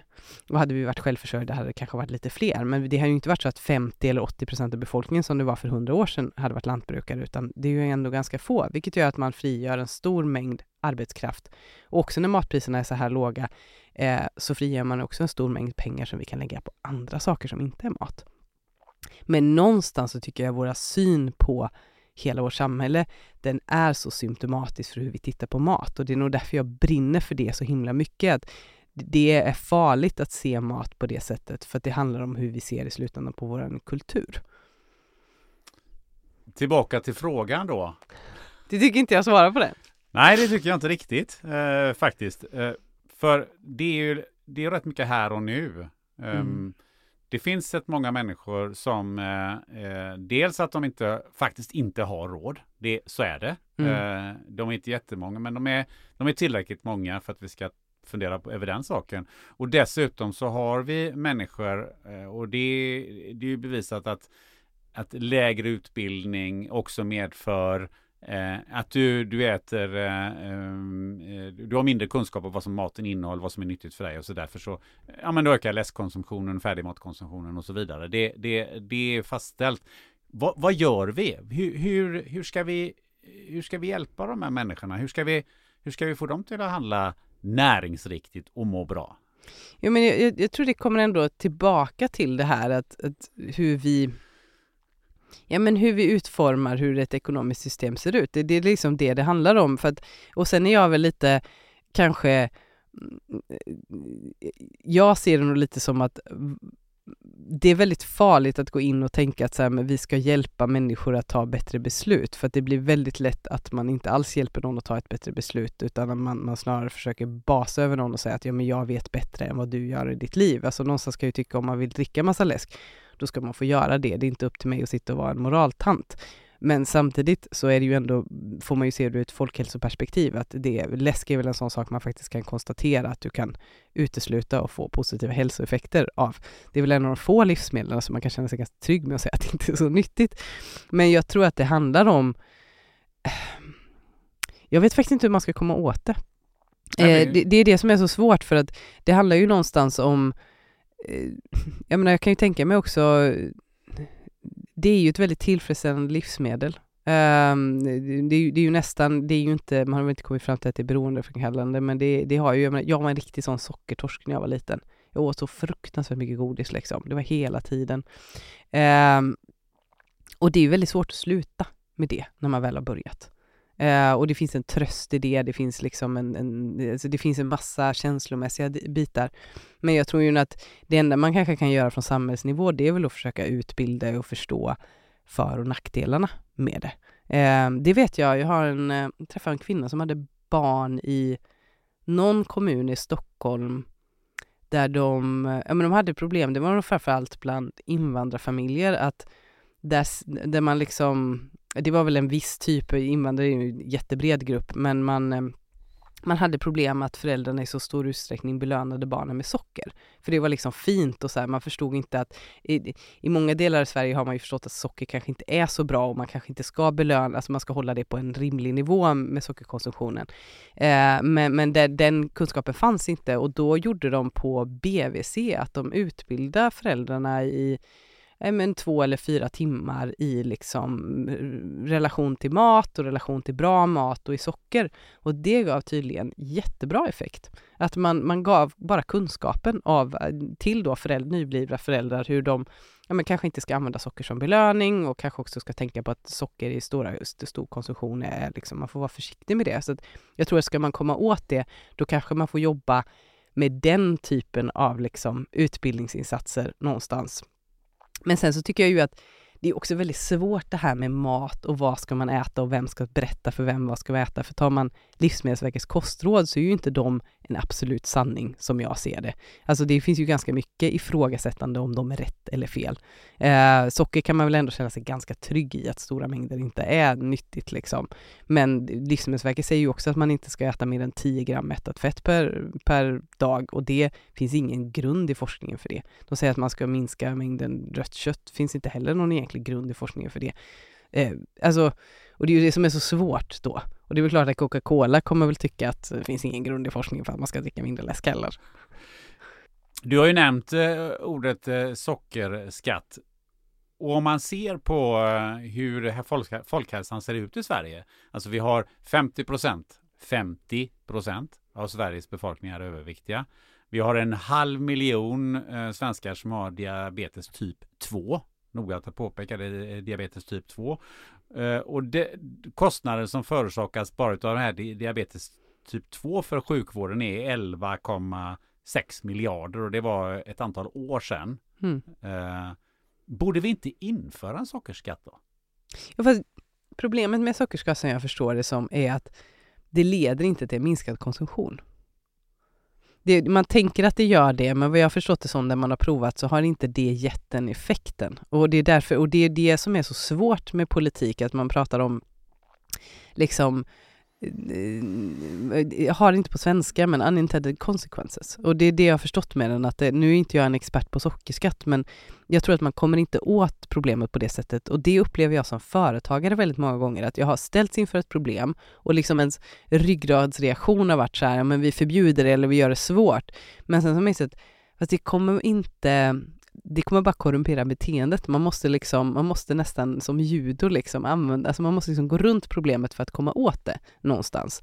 Eh, och jag tror ju att, jag tror att det är någonstans där vi jag tror att man måste ändra, vi kanske, jag, jag, tror att det kommer väldigt mycket till att vi behöver ändra vår syn på mat och livsmedel och vad vi stoppar i oss. Alltså det, det är det det handlar om, för att om vi helt plötsligt börjar efterfråga näringsrik mat eh, och, och, vi vill ha livsmedel som är producerade på ett schysst sätt, då är det ju så en butik kommer utformas det är ju, då är det ju de, de varorna som kommer lyftas upp, det är ju de varorna man kommer sätta eh, marginaler på i en livsmedelsbutik, för att det är det som kommer att sälja. Idag säljer man ju de här ohälsosamma varorna då, om man ska kalla dem det, för att det är det som säljer, det är det som är lätt att sälja.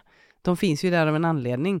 Eh, och jag tror inte att man ska vara liksom så idealistisk och tro att de stora dagligvaruhandlarna och livsmedelsjättarna, det finns ju jättemycket goda intentioner för dem, men det är ju också svårt för dem att alltså hur mycket ska de påverka beteende och hur mycket ska de, alltså det, det, det, är inte en så lätt position som de har och det är därför jag tror att det här måste komma någon annanstans ifrån.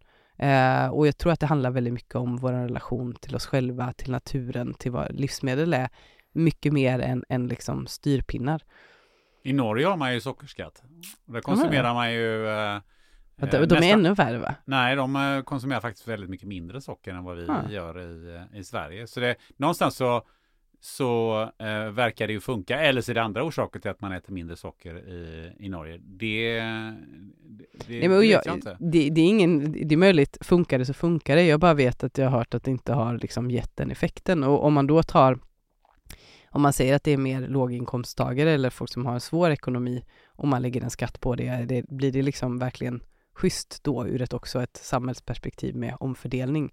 Är det inte bättre att kanske få på den gruppen människor att, mm, jag, jag vet inte, alltså det, det, det, finns ju massa moraliska aspekter. Men, men som sagt, jag ska inte, jag tänker inte liksom eh, det kanske funkar. Men är inte det svåra också att eh, väldigt mycket mer mat innehåller socker som det är, eh, än vad som är uppenbart? Alltså om jag undviker godis och läsk så är det fortfarande så att, eh, att eh, det finns väldigt många livsmedel som det är socker i. Du kan ta köttbullar, du kan ta eh, vanlig skivad skinka, yoghurt, yoghurt uh, you name it.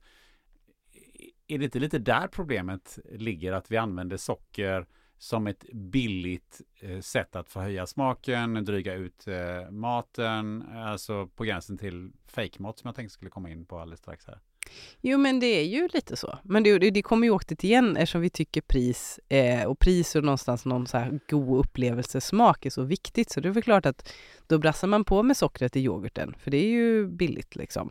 Eh, och så kanske du kör lite konsistensgivare så du kan ha lite mindre mjölk och lite mer vatten liksom.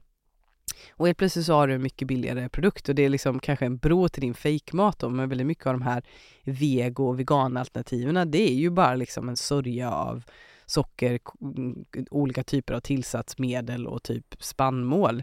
Det är ju ingen näring, det är ju ingen substans i det hela. Och, och jag tror att det handlar om att mm, livsmedelsindustrin har ju räknat ut vad, vad folk tycker smakar gott liksom. Och då vill man köpa det igen. Eh, men, men, men eftersom vi inte värderar näring så då går vi på det liksom.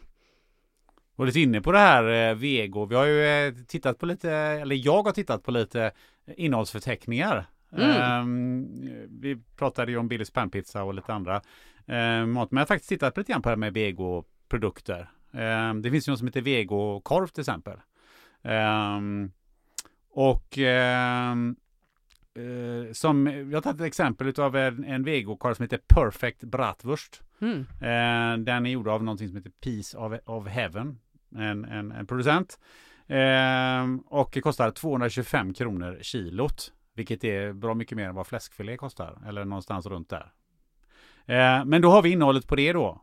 Eftersom du var inne på det. Då har vi då vatten, rapsolja, ärtprotein, stärkelse, salt, förtjockningsmedel, Eh, och det är någonting som heter metylcellulosa och något annat som jag inte kan ens uttala någon sorts alg. Och så är det konjaksgummi, hur gott låter det? Mm. Eh, kryddor, vitlök, citrusfiber, surhetsreglerande medel, eh, druvsocker, arom och stabiliseringsmedel. Då undrar man hur mycket näring är det här? Apropå näringsvärde vi pratar. Får du nog fråga en dietist om för att räkna ut det.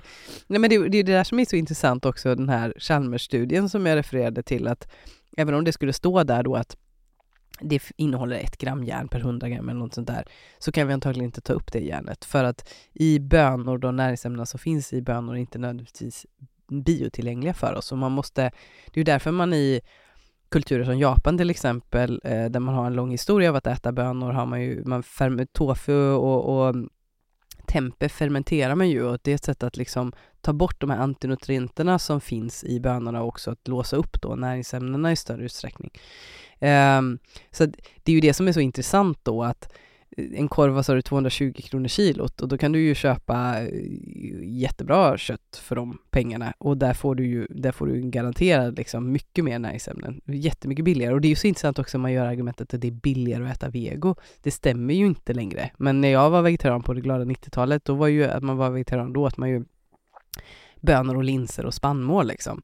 Men det, och det var ju billigare, men samtidigt är det ju så här, vad fan får jag för pengar? Jag får ju mycket mindre näring. Om du ska få i dig den mängden, vad är det, lysin eller någon annan aminosyra eh, genom att äta linser så måste du äta, alltså det är över ett kilo linser eh, och, och annars så kan du äta mm, 200 gram kött eller 100 gram kött. Alltså den mängden tillgängligheten av aminosyror som är essentiella i animaliska produkter är så otroligt mycket högre än vad de är i vegetabiliska. Det rådde jag mig med någon gång att jag knappade in det i någon sån matkalkyl. Och om man äter kött så, så du, innan du kommer in upp i det rekommenderade proteinintaget så har du fått i dig alla essentiella aminosyror. Du kan liksom ligga på 60-70% av ditt totala proteinintag och fortfarande få i dig de ja, essentiella aminosyrorna, de vi inte kan göra själv. Men ska du få det genom en vegetarisk kost, då måste du ofta äta mycket, mycket mer. Och då ska man ju också komma ihåg att det innehåller jättemycket mer kolhydrater. Vilket är, ja men det beror ju på hur man, vad har man för kosthållning, om det är bra eller dåligt. Det finns ju rätt så starka krafter eh, bakom mycket av det här som är vad vi kallar för fake mat eller den här typen av, eh, av produkter. Eh, och det är oavsett om det är vego eller inte vego. Men om man tittar just på, den, eh, på en organisation som heter Växtbaserat Sverige som är en branschorganisation för att, eh, vi ska, för att man ska eh, köpa in och konsumera mer av den här typen av produkter. Och tittar man på deras hemsida så står det så att vi ska vara en stark röst för det växtbaserade segmentet. Det behövs för att flyt, lyfta fram fördelarna för klimatet och folkhälsan. Och då undrar, man, då undrar man ju hur kan man dra en parallell till den här korven som vi just räknade upp och folkhälsan? Här känns det som att att man rider lite på någonting som egentligen inte har någon, eh, någon bakgrund överhuvudtaget. Nej men det är det här jag tycker är så intressant med hela debatten runt kött de senaste 10-15 åren, att den är så otroligt verklighetsfrånvänd. Den är, alltså, och det pratade vi om i podden när jag var med eh, innan också, att men det är liksom, det stämmer inte.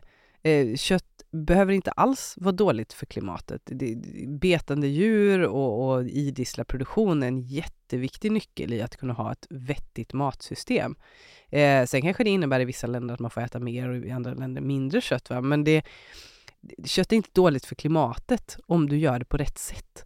Eh, och sen det här med folkhälsan, det är också en. Vad baserar man det på för forskning? Liksom? Vad baserar man det överhuvudtaget? Alltså, det är jättekonstigt. Och som du säger, och väldigt mycket av de här är superprocessade produkter där man nu, det forskas ganska mycket på både Chalmers och andra universitet om just biotillgänglighet av näringsämnen på de här vegolivsmedlen och man hittills kommit fram till att det, är, det ser inte så bra ut. Sen kanske man kan knäcka den nöten, absolut. Men jag är väl lite så, kanske, stockkonservativ när det kommer till mat och är liksom, har vi ätit någonting i över liksom, jag vet inte, 100-200 000 år, då är det antagligen ett livsmedel som vi evolutionärt sett är gjorda för att äta och också behöver äta. Um, så tänker jag och att det är, det är lite hybris att tänka att vi genom teknik ska kunna ersätta det. Det är också det här nya trenden med precisionsfermentering. Det får jag ganska många på vad är Twitter. Det? Ja, vad är det? Det är tydligen när man har någon mm, om det är svamp eller bakterier kommer jag inte ihåg.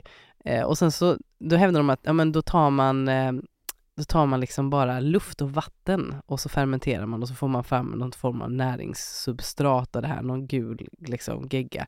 Men sen så behöver du, eller pulver, eh, men sen behöver du tillsätta kalcium och fosfor och alltså du behöver tillsätta näringsämnen i det här, men då ska det ju liksom vara proteinrik då så att man inte behöver då kan vi inte, behöver inte äta kött längre utan vi kan ha bara precisionsfermenterade och då kan vi liksom, behöver inte ens ha jordbruk längre utan då bara precisionsfermenterar vi och jag, och jag är så här, det låter ju väldigt bra men A, kommer det här vara ett livsmedel som vi människor ens biologiskt förstår oss på? Eh, och B, vad är liksom ja, nej, jag är väldigt, väldigt skeptisk till sånt där. Och jag, jag, tycker nog ska man introducera helt nya livsmedel så får man göra det över generationer och se om det är en bra idé. Man kan ju inte bara utgå ifrån att det innehåller protein så kan vi äta det. det då finns det mycket svamp i skogen man kan äta som man inte ska äta. Nu sitter du eh, själv här och representerar eh, kött... Eh, maffian. Maffian eller köttavdelningen. Eh, men om du är lite objektiv och kliver ur den här, eh, din, din egen verksamhet, så finns ju också en köttlobby. Mm. Vad säger de som vi skulle kunna angripa? Ja, men alltså det intressanta med köttlobbyn då, i Sverige är den nog inte så gigantisk stor. Eh, kött och skärkföretagen har en heltidsanställd representant. Otroligt trevlig, men jag tror inte han har tid att, att lobba så hårt för köttet. Eh, men tar man i USA till exempel, där det är ju mycket större företag, eh, så är ju så att väldigt många av de här företagen har ju börjat tillverka vegoproteiner eh, och köpt eh, liksom olika vegoproteinföretag. Och det är ju, är ju även i Sverige som köttföretag har gjort det. Att man, Varför då? Nej men för att man ser väl att, eh, man gör väl analysen att då, att det kommer att bli att det kommer växa och bli stort. Och företag är ju företag, man behöver ju anpassa sig efter hur saker och ting utvecklar sig. Och, och det är ju lite så jag tror att det kommer vara, att om konsumenten inte längre efterfrågar kött, nej men då kommer ju de här företagen att behöva liksom ändra sin inriktning eh, någonstans. Och ska man vara riktigt krass, det är lite jag var inne på liksom, vad är skillnaden egentligen mellan kyckling och Beyond Burger? Liksom? Det är ju bara vidareförädlade ettåriga grödor. Eh, och det är klart att det är lättare att göra det med en Beyond Burger än med en kyckling, för en kyckling är en levande varelse. Det är ändå ganska komplicerat med levande varelser, även om man har lyckats verkligen med avel och industrialisering få det otroligt effektivt och få djuren att leva tills de ska slaktas och sådär. Um, så det, det, är ju liksom, men det är ju en industriell process. Eh, och det är det som jag tycker är så coolt med nötköttsproduktion, är att det är, du kan göra det med så otroligt lite insatsmedel. Hur då? Nej men du, du kan ju, nu förutsätter det väl att man har kanske ett annat liv, men du, det enda du behöver är ju liksom en gräs och en ko och en människa, eller du behöver två kor eller en ko och en tjur. Um, om det skulle bli fler. Men du kan ju i princip liksom valla runt de här djuren av gräs. Du får ju mark också då förstås. Och det behövs inget mer än så vatten då, kommer lägga till. Men det är så, alla de sakerna finns ju i naturen. Men om du ska ha kycklingproduktion och någon effektivitet så är det otroligt mycket mer. Så de har ett mycket mer foder, så mycket mer krävande och, och du, om du ska göra kycklingproduktion i skala så är det otroligt mycket mer teknik och energikrävande kontra nötköttsproduktion som är väldigt low tech. Och det är också om man ska prata liksom krig, eh, självförsörjningsgrad, så ska vi ha ett robust matsystem i Sverige så är det absolut bäst att vi har en stark idisslad produktion, alltså kött och mjölkproduktion, för att det är ett otroligt robust eh, del i matsystemet just för att korna äter gräs som vi har väldigt, det växer väldigt enkelt gräs i Sverige, det växer gräs vare sig man vill det eller inte. Um, och du kan också lagra det över tid, alltså du kan ha mat på vintern och du kan ha mat på sommaren. Eh, och du kan lagra det levande. Eh, och du får också gödsel av de här djuren som är jätteviktigt för att du ska kunna odla andra grejer. Så det, det är en, det är väldigt, eh, alltså en ko är ju så otroligt mer, mycket mer energieffektivt sätt och finurligt sätt att förädla grödor än vad jag tror vi människor någon gång kommer kunna liksom uppfinna teknologiskt. Och det är väl därför jag tycker det är så kul när folk blir så här precisionsfermentering, det, det är the shit liksom. Och bara, har du provat en ko eller? Det, det är grejer. har du provat en ko ja. Det är ju dock eh, svårt att eh, hitta några skalfördelar i, hos den här kon, för den eh, måste ju ändå leva en viss tid och så ska den käka ett visst antal eh, grässtrån eller eh, kilo gräs eller vad man nu ska, hur man nu ska säga det. Eh, de här industriprodukterna kan du ju skala ganska enkelt. Ja, Bygga en större fabrik bara och så behöver du inte ta hänsyn till att det är någon som ska må bra eller någon som ska leva tillräckligt länge. Hamburgaren, den, den här Beyond Burgern, den gör man ju på några sekunder jo men eh, och ja, och, men det är ju så här kommer tillbaka till vårat ekonomiska modell eh, och, och hur vi har liksom utvecklat våran agrikultur och vårt jordbruk till att passa in i det där. Alltså det är det vi har valt. Men vi har ju inte en chans då. uh, om, du, om du bygger en större fabrik bara. Du kan inte bygga en större bondgård bara. Det tar fortfarande lika lång tid innan kossan är vuxet så att du kan. Man har ju trimmat det också. Tar man i snitt slaktar vi väl våra ungdjur vid 27 månaders ålder och en ungtjur i Sverige slaktar man vid 16 till 18. Så att du kan ju trimma den Jo, biten också. Men, det finns ju begränsningar här. Om du sätter det i relation till om vi, vad, vad vi betalar för maten. ja. Så finns ju inte den skalfördelen som du har i, eh, eh, i form av eh, antingen om du nu tar om det nu är kött som du är ute efter eller om du tar eh, mjölk till exempel. Men det är ju därför det är så intressant varför Oatly kostar så mycket mer än mjölk. Det är så himla konstigt. För råvaran i Oatly är ju havre. Havre får bonden 3, 4, 5 kronor kilot typ för. Det är ju inte ett kilo havre i ett kilo havredryck liksom. Och sen är det lite näringsämnen och något annat liksom. Och sen är det vatten då som vi kostar under en, en, ett, ett öre liten. Varför kostar den 20 kronor liten och mjölken 14? Ja, varför är det så då? Ja, det- jag vet inte. Och det är ju också intressant, Oatly går ju inte ens med vinst. Så jag förstår inte, inte bara vad fan får jag för pengarna, men vad fan gör de med pengarna? Vad jag förstår så bygger man fabriker för de pengarna. Alltså, de kanske reinvesterar dem i verksamheten. Absolut, och marknadsföring lägger de väl mycket pengar på också då. Men, men frågan är ju då, vad vill du som konsument betala för? Vill du hellre se till att pengarna går till att få fram en bra råvara, där råvaran, för att en bonde idag får väl, en konventionell bonde får väl drygt 5 kronor liten för mjölken. Eh, så att där har du ju, bonden får ju knappt hälften. Eh, nu är ju mjölk, man pratar ju ofta om mjölk som dryckesmjölk, men mjölk är så fruktansvärt mycket mer än dryckesmjölk. Eh, men då kan man ju säga att bonden får ju en ganska stor del av kakan när det kommer till en liter mjölk. Men om du tittar på en liter havredryck så får ju bonden en minimal del. Det kan ju inte vara mer än några ören som går till lantbrukaren. Och det kan man ju också fundera på, men vad är det, vad vill jag att mina pengar ska göra? Gå igenom en lång industriprocess och marknadsföra, eller det är ju så med läsk också, måste ju vara en ganska stor marknadsföringsbudget. Ehm, eller vill jag liksom skicka tillbaka pengarna till svenska lantbrukare? Mjölkproduktion har ju dock blivit ganska så eh, kritiserad från väldigt många olika Ja, håll. det är så, jag blir så arg på det. Varför det? För att mjölkbönder är de är så jäkla bra Men, klart det finns skitmjölkbönder också, men generellt sett, alltså om man förstår vilken kunskap och vilket slit och vilken så här, hur dedikerad man måste vara till sina kor för att vara mjölkbonde, då hade man aldrig någonsin gjort som man hade gjort. Alltså det är så oförlåtligt hur hårt de här människorna har jobbat för att vi ska få ett jättebra livsmedel och det enda man gör är bara pissa på dem. Åh, jag blir så arg. och sen är det klart, Ja, Kan du, De kan som du inte är duktiga. den, den eh, kan du utveckla det lite förutom att du är arg? Ja exakt, ja, det är bra. Kan du här, sätta ord på dina känslor? Nej men alltså, det är väl klart att det finns mjölkbönder som inte ska vara mjölkbönder. Det, det är så, så är det med alla bönder. Det, det, det finns alltid någon djurbonde, men då får man ofta djurförbud och så får man inte vara bonde längre. Och sen finns det några bönder som får djurförbud som inte borde ha det, men generellt sett så får man djurförbud och då är det bra liksom. Vi har en bra lagstiftning för det i Sverige, tycker jag. Ehm, men men synen i media har ju någonstans blivit av en mjölkbonde att de gnäller på att de inte får betalt och sen så är det ju det här liksom Arla-bonden. Eh, men, men det är ju väldigt, det tycker jag är så kul med till exempel det här Mandelmans när man har börjat liksom lyfta upp det som är positivt med lantbruk. Men det som jag tycker är synd är ju att jag tycker vi borde hylla våra mjölkbönder och alla våra lantbrukare för att jag som är uppvuxen på en bondgård och spenderar mycket tid med att umgås med lantbrukare när jag ser vad deras yrke innebär i kunskap, i liksom dedikation. Har du en mjölkgård, då måste du mjölka två, dagar, två gånger om dagen. Nu kan du ha robot, men om du inte har det, det finns annars så kommer korna fara illa. Det spelar ingen roll om du är sjuk, om du kräks eller om du är trött eller inte har lust. Du måste ut i stallet, punkt slut. Det är väldigt få jobb som det är så. De flesta kan ju, ja jag måste vabba, ja jag är sjuk, ja jag kan inte, ja jag ska åka på semester. Det Funkar inte så om du är mjölkbonde. Du har, du har ett ansvar och du har dina kor och så det gör om man är köttbonde också. Och det, det är liksom den... jag kan nog tycka att absolut att man ska kritisera det, men jag tycker också att man måste ge en, en, en mycket större utrymme till att, att hylla det, den yrkeskåren, mycket mer än vad man gör. Det, det är nog så jag tycker. Hylla mjölkbönder. Något som inte innehåller mjölk, vi ska strax avrunda, men du har ju varit inne på eh, vad var det förra årets fake-produkt eller vad de hade utnämnt den här eh, GB-glassen Big Pack.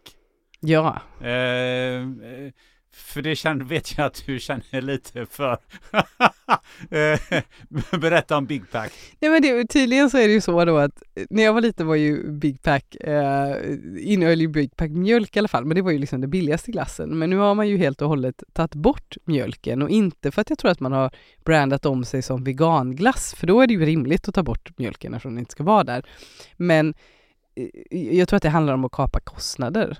Och då kan jag tycka att om man som konsument har en idé att glass någonstans som default innehåller grädde eller mjölk, det är ju ändå så, om det är glass så tänker jag men det är grädde eller mjölk. Och sen så köper du någonting och så innehåller det i princip bara socker, färgämnen och aromämnen. Då kan jag tycka, är det riktigt liksom, är det ärligt att göra det? Och det är ju så väldigt mycket, när priset blir så viktigt, då, då blir det ju liksom, jag, jag kan ju någonstans inte heller kan jag känna på sätt och vis kritisera GB för att de gör så här, för de gör ju någonstans rätt. De gör ju det konsumenten säger att konsumenten vill ha. Billig glass som smakar, eh, och, och jag har inte ätit den då, men jag utgår ju från att den smakar gott nog för att kunna fortsätta att säljas annars. Alltså, annars så, så skjuter de ju sig heller själv i foten och det hade de ju inte gjort. Men det är ju, det är ju, det är ju någonstans så blir ju det symptomatiskt liksom. Och det är väl en storsäljare, Big Pack också, utgår ifrån. Det är väl ingen liten produkt. Förmodligen. Nej men liksom att, att, vi, att vi tolererar det. Ja, det kan man ju undra. Eh, jag tänkte att vi skulle avrunda lite med, med lite tips och tankar eh, till den som vill, vill eh, fortsätta att handla bra mat men eh, som också inser att eh, maten kostar mer. Det är mm. 20% mer. Det tar 20% mer av, min, av min, mina intäkter. Eh, min, alltså det, det, det är en otvivelaktigt en ganska hög och snabb prisutveckling som det har varit. Mm. Svårt att vänja sig vid. Men det finns ändå lite eh, tips tycker jag man kan ge om man samtidigt vill äta eh, eh, bra och näringsriktig eh, mat. Ehm, jag själv har ju eh, en, en, en, del funderingar kring och, och tänk, försöker tänka till när jag, när jag handlar just det här med näring och få i mig egentligen och sådär.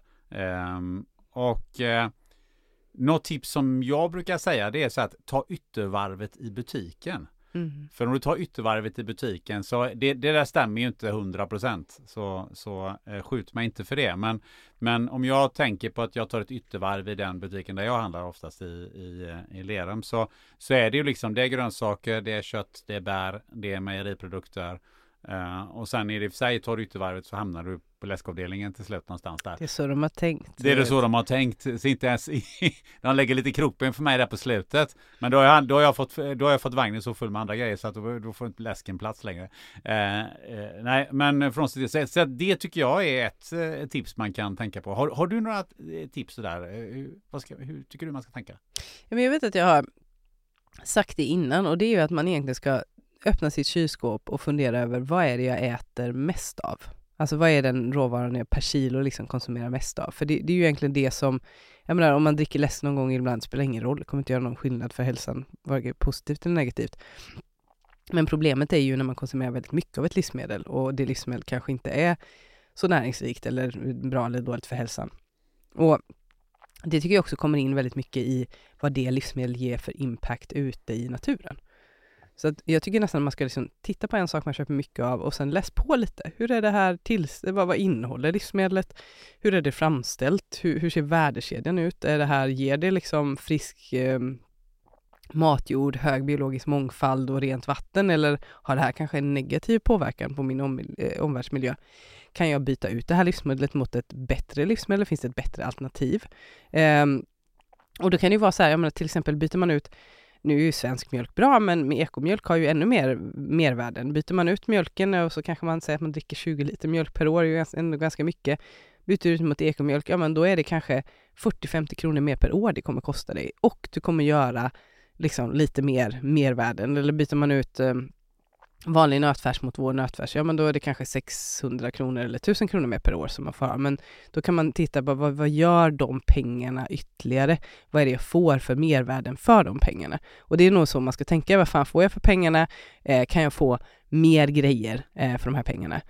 Och sen så ska man ju också tänka att då kanske man tänker så här, men 600 kronor eller 1000 kronor per år, det är ju, det är ju jäkligt mycket pengar liksom. För det är ju ändå en del pengar. Och, och som du säger, har man väldigt ont om pengar, ja men då kanske man inte riktigt kan göra de avvägningarna utan då kanske man mer får titta på vad är det jag kanske kan dra ner på och konsumera och vad kan jag, vad, hur kan jag köpa, titta kanske mer på kilopris och näring och, och alltså man får jobba på ett lite annat sätt men om man har en hyfsat god inkomst, vilket väldigt många i Sverige har, då har man ju kanske lite mer svängrum.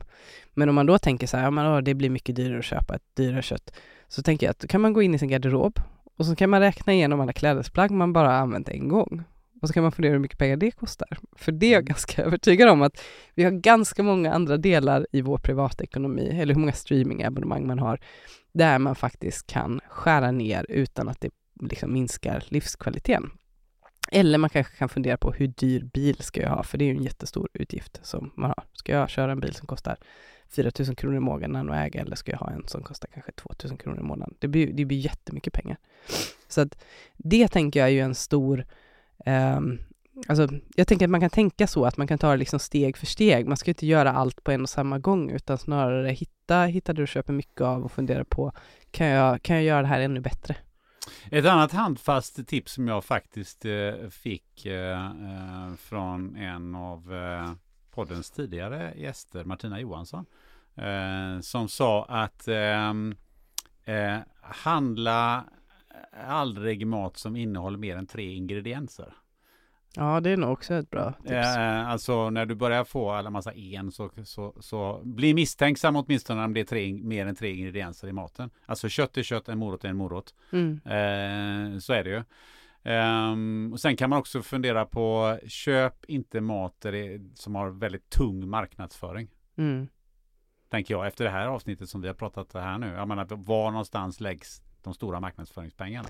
Nej men jag, jag tror nog det, det är liksom, återigen vad man får för pengarna, men att man kan fundera på det. Hur mycket pengar får faktiskt lantbrukaren genom att jag köper de här grejerna? Som mjölken då, att där får ju eh, lantbrukaren en ganska stor del av priset för råvaran.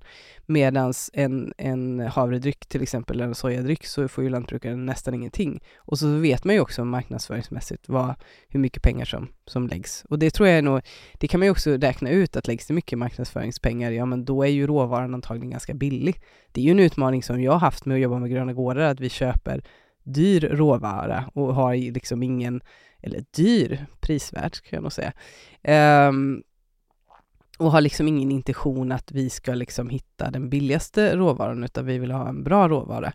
Um, och det, det, är ju en utmaning. Det hade ju varit lättare att kunna fläska på en rejäl marginal på, för att kunna jobba med sälj och kunna jobba med marknadsföring. Så man får ju vara jättemycket mer kreativ. Men jag tänker också att det är bra. Varför ska man ska lägga... Produkten ska ju vara så pass bra att man inte ska behöva marknadsföra så himla hårt.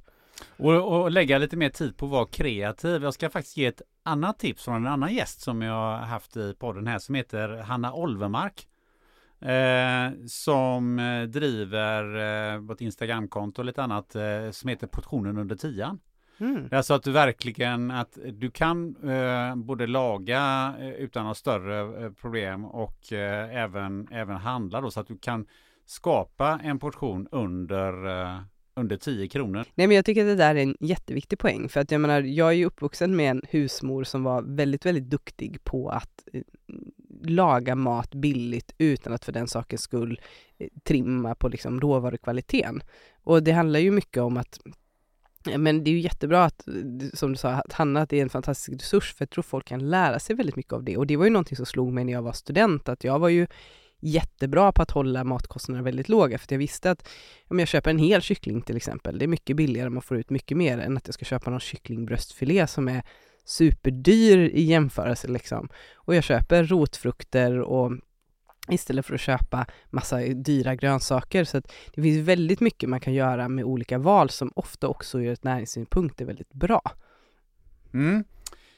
Du Märta, nu har vi suttit här och pratat mat och matpriser i eh, eh, nästan två timmar med lite avbrott. Du har ju ställt upp fast du är vrörförkyld. Ja. Så jag har fått klippa bort lite grejer här mittemellan. Men, men hur, hur eh, har det känts att sitta här och köta med mig om det här? Jag tycker det är jättekul. Sen känner jag att vi har nog bara skrapat på ytan. Det här är ett ämne jag tycker att man borde prata mycket, mycket mer om. Mm. Det lämnar, överlämnar vi till eh, eh, poddar som har det som eh, eh sitt enda eh, fokus givetvis. Eh, så det är, eh, du får vi kanske gästa några av de poddarna också. Eh, jag brukar ju som du vet eh, be dig rekommendera en gäst. Du har klurat på det. Ja, jag tycker du kan intervjua kungen. Kungen? Jag Ja. tror att du är, du är faktiskt eh, den andra gästen Är som, som tycker att jag ska intervjua kungen. Va, vad är det som, varför ska jag intervjua kungen? Ja, men jag tänker det är ju väldigt sällan man hör så mycket om kungen, eller Victoria kanske. Alltså att det hade varit intressant att, att höra i ett mer så här poddformat, för det som är härligt med poddformat tycker jag ju att det blir ett, ett samtal på ett annat sätt än när det blir liksom en, en väldigt låst intervju. Ehm, så jag tycker att jag menar, det är ju en väldigt viktig figur för Sverige, vare sig man gillar eller inte gillar monarki. Och nej, jag tycker det ska vara intressant. Mm. Jag själv är väldigt sugen på att, eh, jag skulle gärna vilja prata med kronprinsessan Victoria.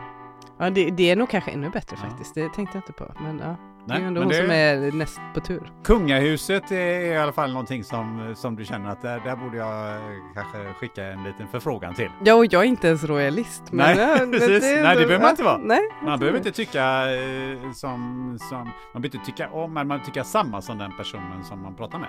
Utan det kan finnas eh, andra orsaker till varför man, varför man intervjuar någon. Det, eh, nu har du pratat mycket om gröna gårdar och så vidare och så vidare. Eh, om man vill komma i kontakt med dig på något sätt, hur gör man då? Eh, då går man in på grönagårdar.se under kontakt så finns jag där. Annars ska man bara googla Märta Jansdotter Agiri. Det är det som är så bra med ett så konstigt namn, att man är lätt att hitta. Lätt att googla Märta Jansdotter Agiri. Tack för den här pratstunden. Tack själv. Du har lyssnat till det 138 avsnittet av podden Spännande möten.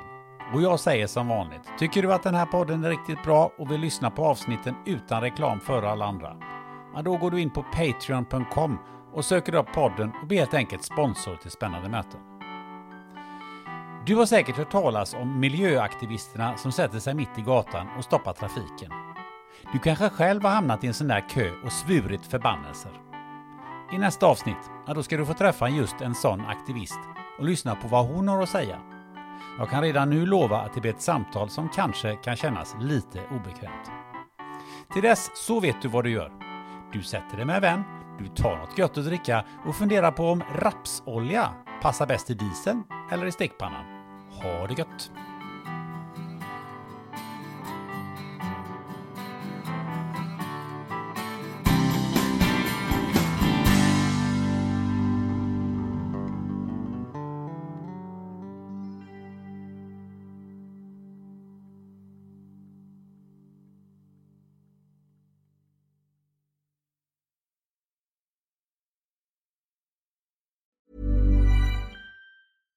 Flexibility is great. That's why there's yoga. Flexibility for your insurance coverage is great too. That's why there's United Healthcare Insurance Plans. Underwritten by Golden Rule Insurance Company, United Healthcare Insurance Plans offer flexible, budget friendly coverage for medical, vision, dental, and more. One of these plans may be right for you if you're, say, between jobs, coming off your parents' plan, turning a side hustle into a full hustle, or even missed open enrollment. Want more flexibility? Find out more about United Healthcare Insurance Plans at uh1.com. Even when we're on a budget, we still deserve nice things. Quince is a place to scoop up stunning high-end goods for 50 to 80% less than similar brands. They have buttery soft cashmere sweaters starting at $50, luxurious Italian leather bags, and so much more.